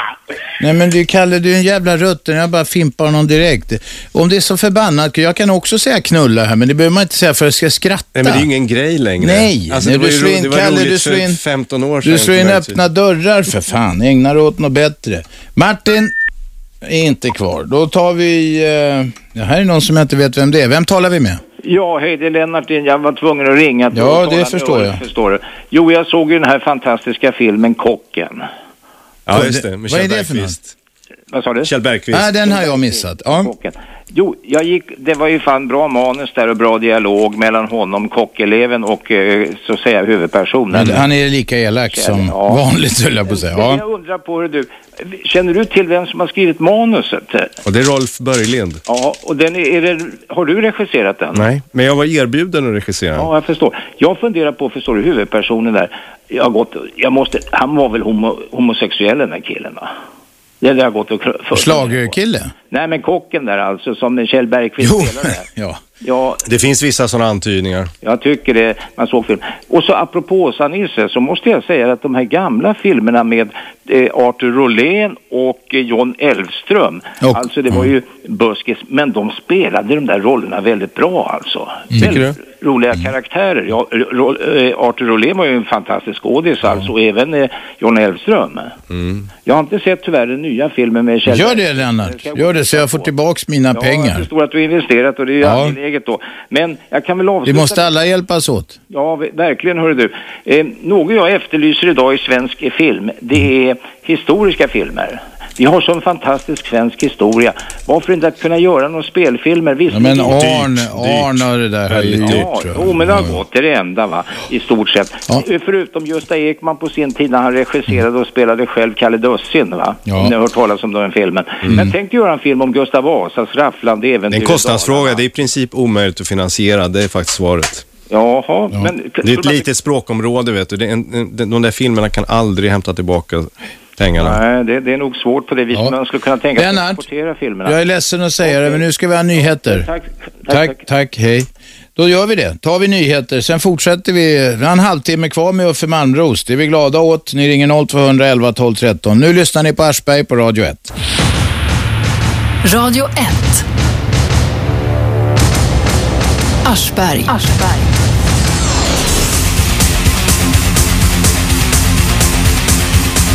Vi sänder det här programmet varje vardag 15 till 18.00. Lördagar, söndagar också 15 till 18. Då är det hopklipp från veckans fröjder. Idag har vi eh, Ulf Malmros i studion, känd svensk regissör. med Många roliga och tänkvärda filmer och det är allmänhetens eh, eh, åkning så tillvida att man får ringa in och snacka med Uffe om man vill. Vi har Erik med oss, varsågod. Ja, hej du. Eh, Jag tänkte fråga hur dina filmer går utomlands. De går uselt, ska jag säga. Ja, konstigt. Nej, de, jag, jag tror faktiskt att du skämtade. Men nu förstår jag frågan. Eh, de, jag har ju sålt några utomlands och några har gått på bio. Men det, det har inte varit några kommersiella kan en framgångar. svensk film eh, gå bra i USA till exempel? Ja, de ser ju nästan ingen film som inte tal, där det inte talas engelska. Det är Ja, texta filmer de de är kan väl svårt dubba filmerna? Ja, fast det gör de inte. De spelar ju till och med in alltså, brittiska filmer. Spelar de in på nytt för att de inte, de tycker engelsmän pratar så konstigt. Jag tror, jag tror det är för lite knulla i filmerna. Ja, precis. Jaha, jag hörde- visste hade att det. Jag tänkte, jag stod med. Jag Du fimpade honom. Jag tänkte det skulle vara Bus- den här var- oförtjänt Busringen var lite mer sofistikerad den här gången i alla fall. Vem är med oss nu? Det ska vara Birgitta igen ja. Hej. Jo, för det första så skulle jag vilja skänka en tanke till de här stackars barnen som omkom i en bussolycka i Schweiz. Ja, det var, var det i Och du, Schweiz? för du ska inte Var det inte Österrike? Ja. anklaga mig för att vara barnhatare. Nej, okej, då vet vi det Jag Birgitta. tycker Det, har, det det gör vi alla. Det Ja. är fruktansvärt. Det är Mm. så sorgligt så det är Ja. för jävligt jag lider med de föräldrarna. Ja. Det var nummer ett och nummer två var följande. Eh, tacka vet jag Errol Flynn på matiné på lördagar. Errol Flynn, ja. Ja, men han var ju snygg. Var han schlagerkille tror du? Det tror jag. Ja, han var ju filmskådespelare. Ja. Men hade han kunnat platsa i Melodifestivalen? Ja, ja, ja. Han var ju, kunde ju allt för fan. Han var ju så jävla snygg där på skeppet som man bara smalt som en... Ja. Ja, då gick man på matiné klockan 14 på lördagar. Vad var det för biograf? Sånt tycker jag är kul att höra. Ja, den ligger där nere på, på, eh, åh, vad heter Den är väl inte kvar va? Eh, Påfågeln tror jag den hette. Men det var på Östermalm va? Ja. Mm. De flesta det. av de där småbiograferna är ju borta, nästan alla va? Mm. Ja. Brommamuggen brukar jag gå och se Tarzan och sånt Det tycker jag är nostalgi, gamla Ja, biografer. Det är färgaffär nu. Förstår du vad kär man var i Errol Flynn alltså? Ja, vad hade du velat göra med honom då? Nej, det vågar man inte. Man bara satt och stirrade och gud så här. Mm. Men var inte han en farbror för dig då? För du var väl inte Det är såklart. Mm. en stilig farbror? Han hade kunnat hjälpa dig över den där svåra Ja, tröskeln. men han var ju så, och han flög ju där i masterna på skeppen och Va? han gjorde ju allting och En riktig gymnast. han var ju, alltså, åh herregud, förstår du, Errol Flynn alltså. Ja. Nu har vi snappat det Birgitta. Mm, Tack så du ha. varsågod. Tack. 0211 12 13 om ni vill fortsätta tala om Errol Flynn. Eller något annat som är från filmens värld. Vi har nämligen Uffe Malmros här som är regissör, eller regissör som Lars Molin sa. Med någon slags omvänt snobberi. Har vi något på nätet Shabbe? Nej, nu håller jag på att twittra om något helt Ja annat. men skit i Mm. Twitter, se om de har sagt något. Mm. Nej, Det är en var- lång lista. Det är... Ja men väl något bra. Nu börjar de ringa som galningar igen. Vem är där? Jalle. Ja, skruva ner radion och kom till saken. Ja, hej Uffe. Hej. Du, en fråga bara. Eh, Du, när Robban pratade om i början där angående de där, vad heter de, sublimentella någonting. Vad, vad var det för ord där? Jag sa ordet subliminal, det är något gammalt begrepp som jag knappt vet vad det betyder, men det lät fint. Det är sån här, där jag läste om det första gången, jag ska bara dra det här jättekort, var det så att de testar att göra reklam på det viset. Man lägger in en filmrut, alltså det på varje sekund på film så är det 24 eller 25 rutor eller något sånt där som gör att man uppfattar, ögat uppfattar att det rör sig. Lägger de in en av de där rutorna så testar de det med en känd äcklig sockerdryck. Som du vet, en brun sockerdryck. Och sen så vi testar de det och det visar att folk blir lite påverkade. Så jag tror det varit förbjudet att göra reklam på det viset, i alla fall i perioder och vissa länder. Mm. Eh, jo, min fråga är så här, eh, har du kollat på Colombo-filmen Uffe? Uh, Colombo, deckaren Colombo? Kommissarie Colombo? Alltså de här gamla 70-tal? Ja, precis. Han i trenchcoaten. Det var, det var väldigt länge sedan. Ja, precis. I en av de där serierna så ger eh, den där mördaren då eh, en, lite ka- mycket kaviar till eh, hans, eh, han som ska bli mördad då. Och så när de tittar på en, på en film, till, en reklam tillsammans i salongen så lägger han den där som Robban sa, sublimental eller vad det var. Subliminal. Ja, precis. Han, de, han lägger en sån här, eller vatten, vatten i den där sekundfrekvenser. Och så börjar han eh, bli törstig, så går han ut för att dricka. Så är mördaren där redan då och skjuter honom där. Oj då, det var ju jävla uttänkt. Jag, menar, jag tänkte på den där ordet som du sa. Men eh, vad tycker du om spagettifilmerna, eh, Uffe? Jo. Den är gode, den onde, den fule och så vidare. Jo. Ehm, jag läste en bok, det tycker jag var intressantare, om ehm, just den industrin i Italien. Det var ju fascinerande. Clint Eastwood kommer dit och eh, han, Jävligt de, bra ja, då, han kan inte ett ord italienska och de kan inte ett ord engelska. Men är det inte så att italienarna filmar allt så? Fellini och allihopa gör så att de säger omelett, omelett och sen gör de allting i ljudstudio. Det var så förr. Så var det för Alltså, och därför kunde Fellini använda sig av sköna karaktärer. Ja, just det. Han kunde statister. hit, hitta folk på gatan som var kul och så. Och där han då helt enkelt ja, gapade till dem Mm. under tagningen vad de skulle göra. Sätt dig, ställ dig, titta till höger, titta till vänster, Ja, ja. skratta, klia dig. Och sen så eh, kunde man då helt enkelt bara, man, det var inte så noga heller med läppsynken utan om de fortsatte prata en kvart efter att munnen hade stängt sig så gjorde inte det någonting heller. Ja. Jalle? Tack för hjälpen Robban. Tack. Det var så Tack, lite tack, tack. så. Eh, nöjet är helt på min sida. Vem talar vi med? Ja, tjena, det är Steffe här. Jag har kommit på en jävla bra film. Nej, det är en busringare. Jag känner det i magen. man hör det på Ja, attacken. jag hör det. Han är för dålig skådis. Där var ingen. Vem är där? Darth Vader. Då fimpar vi den också. Vem är med oss? Ja, hallå. Det är Johan här. Ja, varsågod. Jo, Robban, har du varit med någon film förut? Ja, det har du ju. Ja, jag, jag, jag, tol, jag är en tolkning av en lastbilschaufför i Åsa-Nisse. Men Senaste. vad heter Mats Helges? Mats Helge Olsson gjorde vi en. Där, där var jag spelade jag hjälte, heter John. Det gjorde de, gjorde de alltid i Mats Helges filmer. Jag är journalist som har gått i väggen lite och så Känner du till Mats Helge Olsson? Regissör? Nej, nej. Ninja Mission. Han hade någon succé, påstår han själv i alla fall, utomlands som var väldigt stor. Han gjorde ju tre filmer samtidigt och då hade huvudrollen och boven samma namn för då kunde han i bästa fall få ut en fjärde film. Ja, sen kunde, och sen kunde han flytta stora bitar av manus mellan i datorn bara. För de hette ju samma sak. Ja. I den, just den här filmen, det var en entimmes grej som vi gjorde lite halvt på skoj. Då Vad hette den? är jag hjälte, Nordexpressen. Ligger den på YouTube? Nordexpressen, jag vet inte om den finns på YouTube. Nordexpressen, Gert Fylking var äh, gangstern. Blev det några knullar då? Jaha, nu är det du igen. Han var försåtlig. Ja, det var en bra fråga först, Det var en bra jag. fråga. Det kan, den här killen kanske blir seriös om han får fortsätta ett tag. Så, sen är det bara Tourette-grejen måste komma på slutet. 0211 12 13 och vi har med oss, vem är där? Den där jävla pajsaren som ringer in och har fått det där på, eh, på hjärnan. Det är någon varg med honom. Ja. Jo, det är Lennart här. Jag, Ja, vi hör det. jag är väldigt intresserad av film och jag blev så entusiastisk Det här är ju en film. idag när jag hörde att Ulf är med där. Och eh, du har fört upp det här temat på, på agendan. tycker jag är väldigt roligt. Ni, ni diskuterade Fellini. Ja. Jag tror nog att eh, egentligen var det väl Robert Rossellini som började med det här med neorealism alltså. Eh, Rom upp en stad som ett exempel där. Egentligen hette han också Roberto tror jag eftersom... Ja, Roberto hette han. Ja. Roberto, det stämmer. Han var ju gift med Ingrid Bergman då. Ja. Hon skilde sig från den här tandläkaren. Eh, jag tänkte på en sak.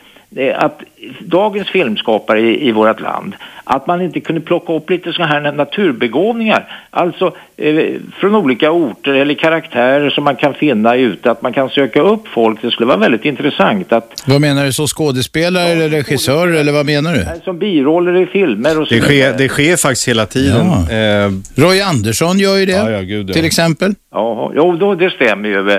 Eh, våningen eh, var Men du har väl gjort det Uffe också? Ja, jag har använt mycket amatörer. Då går det till så att en annons i lokaltidningen, våra castingmänniskor åker dit och så får alla som vill prova.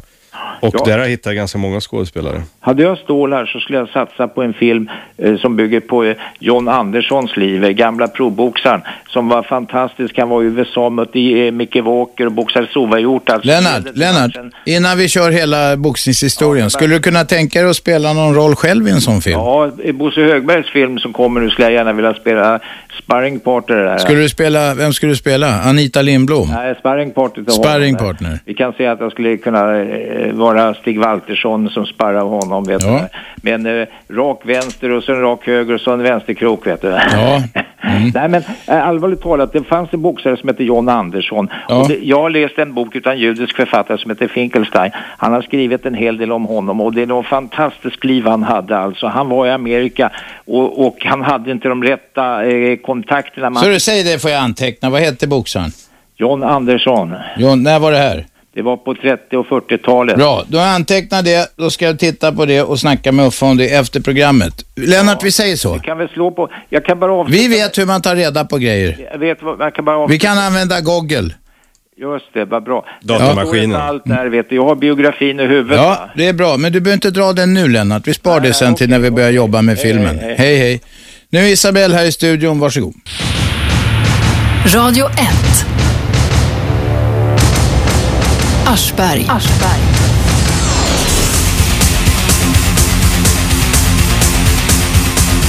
Ja, det är slutspurt i dagens program med regissören Ulf Malmros. Eh, Och eh, det är fullt på alla linjer så här kommer inte bli några pinsamma pauser. Vi börjar med Robert. Varsågod. Ja, tjena, det var Robert här från Järfälla. Ja, du kan vara en trevlig kille för det. Kom igen. Ja. Eh, Jag tänkte bara säga, min absoluta favoritfilm genom alla tider, det är Back to the Future-trilogin. Ja, jag håller med. Den är helt fantastisk och den är väldigt den är magisk liksom. Ja, det är mycket bra, mycket bra. Hur gammal var du när du såg den? Jag, det är det som jag- tänkte komma till, att jag var inte så gammal. Första jag såg den, jag är inte så gammal, jag är född 1980. Mm. Så att eh, den första filmen kom ju 85. Mm. Och jag såg den kanske 86, 87 någonting. Nej, det är mak. Har du sett dem, Robban? Nej, jag har inte det. Det är mycket Därför bra. Där jag kan vi käft. snacka om ett, ett ja. komplicerat manusbygge. Sen är det ju eh, lite buskis också, men, men manusbygget är ju Men är oerhört det science avancerat. fiction, eller? Ja, det är det i och med att de reser i tiden, men det är väldigt avancerat eh, bygge som håller ihop. Okej. Väldigt Ja, den är riktigt bra. Sen har jag alltid sett trilogin som en enda film. Om man tittar på dem allihopa efter varandra så blir det som en enda lång film liksom. Tvåan gjorde de ju back to back, den spelade de in samtidigt, så tvåan och trean är ju egentligen samma film. Exakt. Och eh, ja, precis. Det stämmer bra det. Jag, jag tänkte bara säga en annan sak. Att igår så var jag med min mamma på bio och kollade på The Artist. Mm. Och My- eh, den var helt fantastisk. Ja, den är mycket bra. Och den är ju inte, folk tror att den är tyst. Det är ju en stumfilm, de pratar alltså inte, men den är ju inte tyst för det är ju alltså Det var väl filmmusik. inga stumfilmer? Vad fan, Nej, det det var ju filmmusik. Ja, Min farfar var sån där pianist på Ja, biograf. stumfilmspianist. Ja. Eller biopianist Ja, hette ja. det väl snarast, Ja. för det fanns ju inte ljudfilm då. Nej, Jaha, vad precis. roligt. Mm, Simrishamn. Ja, Nej, det, var, det är precis. Det var, det var ju musik under hela filmen och eh, det var extremt mycket uttryck och sånt. Man förstår ju verkligen att filmen handlar ju mycket om att eh, skådespelare förr i tiden som spelade just stumfilm hade svårt att gå över själva till talfilmerna för de var ju vana att göra stora gester liksom när de skulle beskriva saker och ting. Ja. Eh, och sen att jag plötsligt började prata, det var inte riktigt lätt liksom att göra en sån övergång. Ja, men The Artist kan vi rekommendera. Gå och se den. Det är Ja, då ska jag också göra film. det. Shabbe, du också? Ja, ja. Ja, ja. Jag var anti, men nu, Nej, nu ska jag nu se har jag den. hört att det är bra Inget skit. krångligt och svårt. Du, Robert, tack för det. Tack så mycket. Hej. Kai, varsågod. Hallå? Ja, tjena. Du, jag tänkte höra med Ulf, vad har det för knepigt med buskis? Eh, det finns bra och dålig buskis. Ja, tack. Eh, Bra. finns, eh, Jo, det, men det är grader i... i Det är extremt svårt att spela de här rollerna. nej men alltså bra busk, buskis är ju egentligen ett... Buskis är ju egentligen ett... Eh, det, det är ju ett uttryck som är, precis som pilsnerfilm, vad betyder det egentligen? Det kan Ja, man verkligen exakt. fråga sig. Men det Jo, som man men det använder det, det är ju, ett det ned, det är nedsättande naturligtvis, när man Ja, tycker att det någonting är etikett. Det är ett överspel. Det Ja. är töntigt, dåligt. Eh, då är det buskis.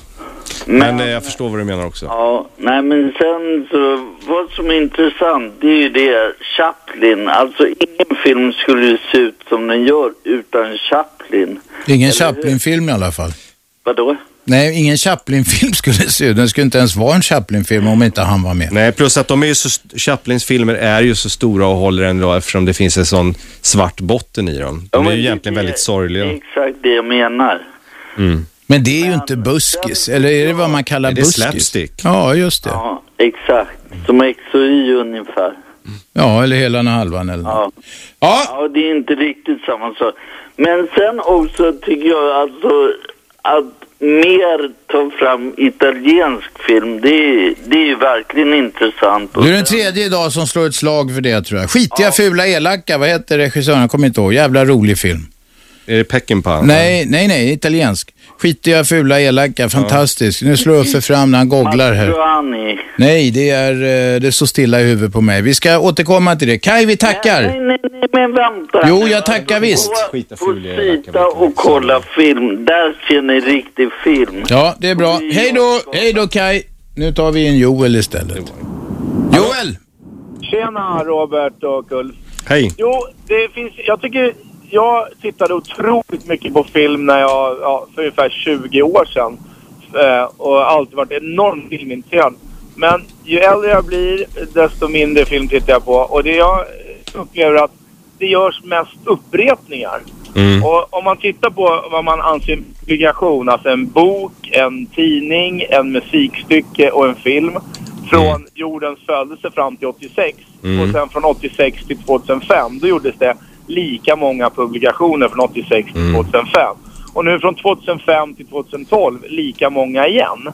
Mm. Alltså det är svårt att vara innovativ när det gäller Ja, men det är pengarna också. Du vet, alltså, jänkarna gör ju ingenting om det inte finns en förlaga, bok Ja, ja, ja. eller Ja, ja. franchise. Och, och de gör ju så mycket remakes. Jag tror aldrig gjort så mycket remakes, reboots, alltså att man startar om serien på nytt. Nu ska de ju starta om Spider-Man från början och så vidare. Oj, det är ett tecken på dålig fantasi. det, ja, men det är, det är Eller för att man vill vara säker. Vi vet säker. vad vi får. dålig fantasi, men också så här liksom hur innovativ kan man vara? Nu har vi varit under jord, vi har varit under vatten, vi har varit i rymden, vi har varit i västern, vi har varit dittan, vi har varit... Historierna tar aldrig Nej, slut. men f- fantasin är inte problemet. Det, det är stålarna som är problemet. Alltså Du- att du de som ska satsa pengarna har inte lika mycket fantasi som de som skriver dem.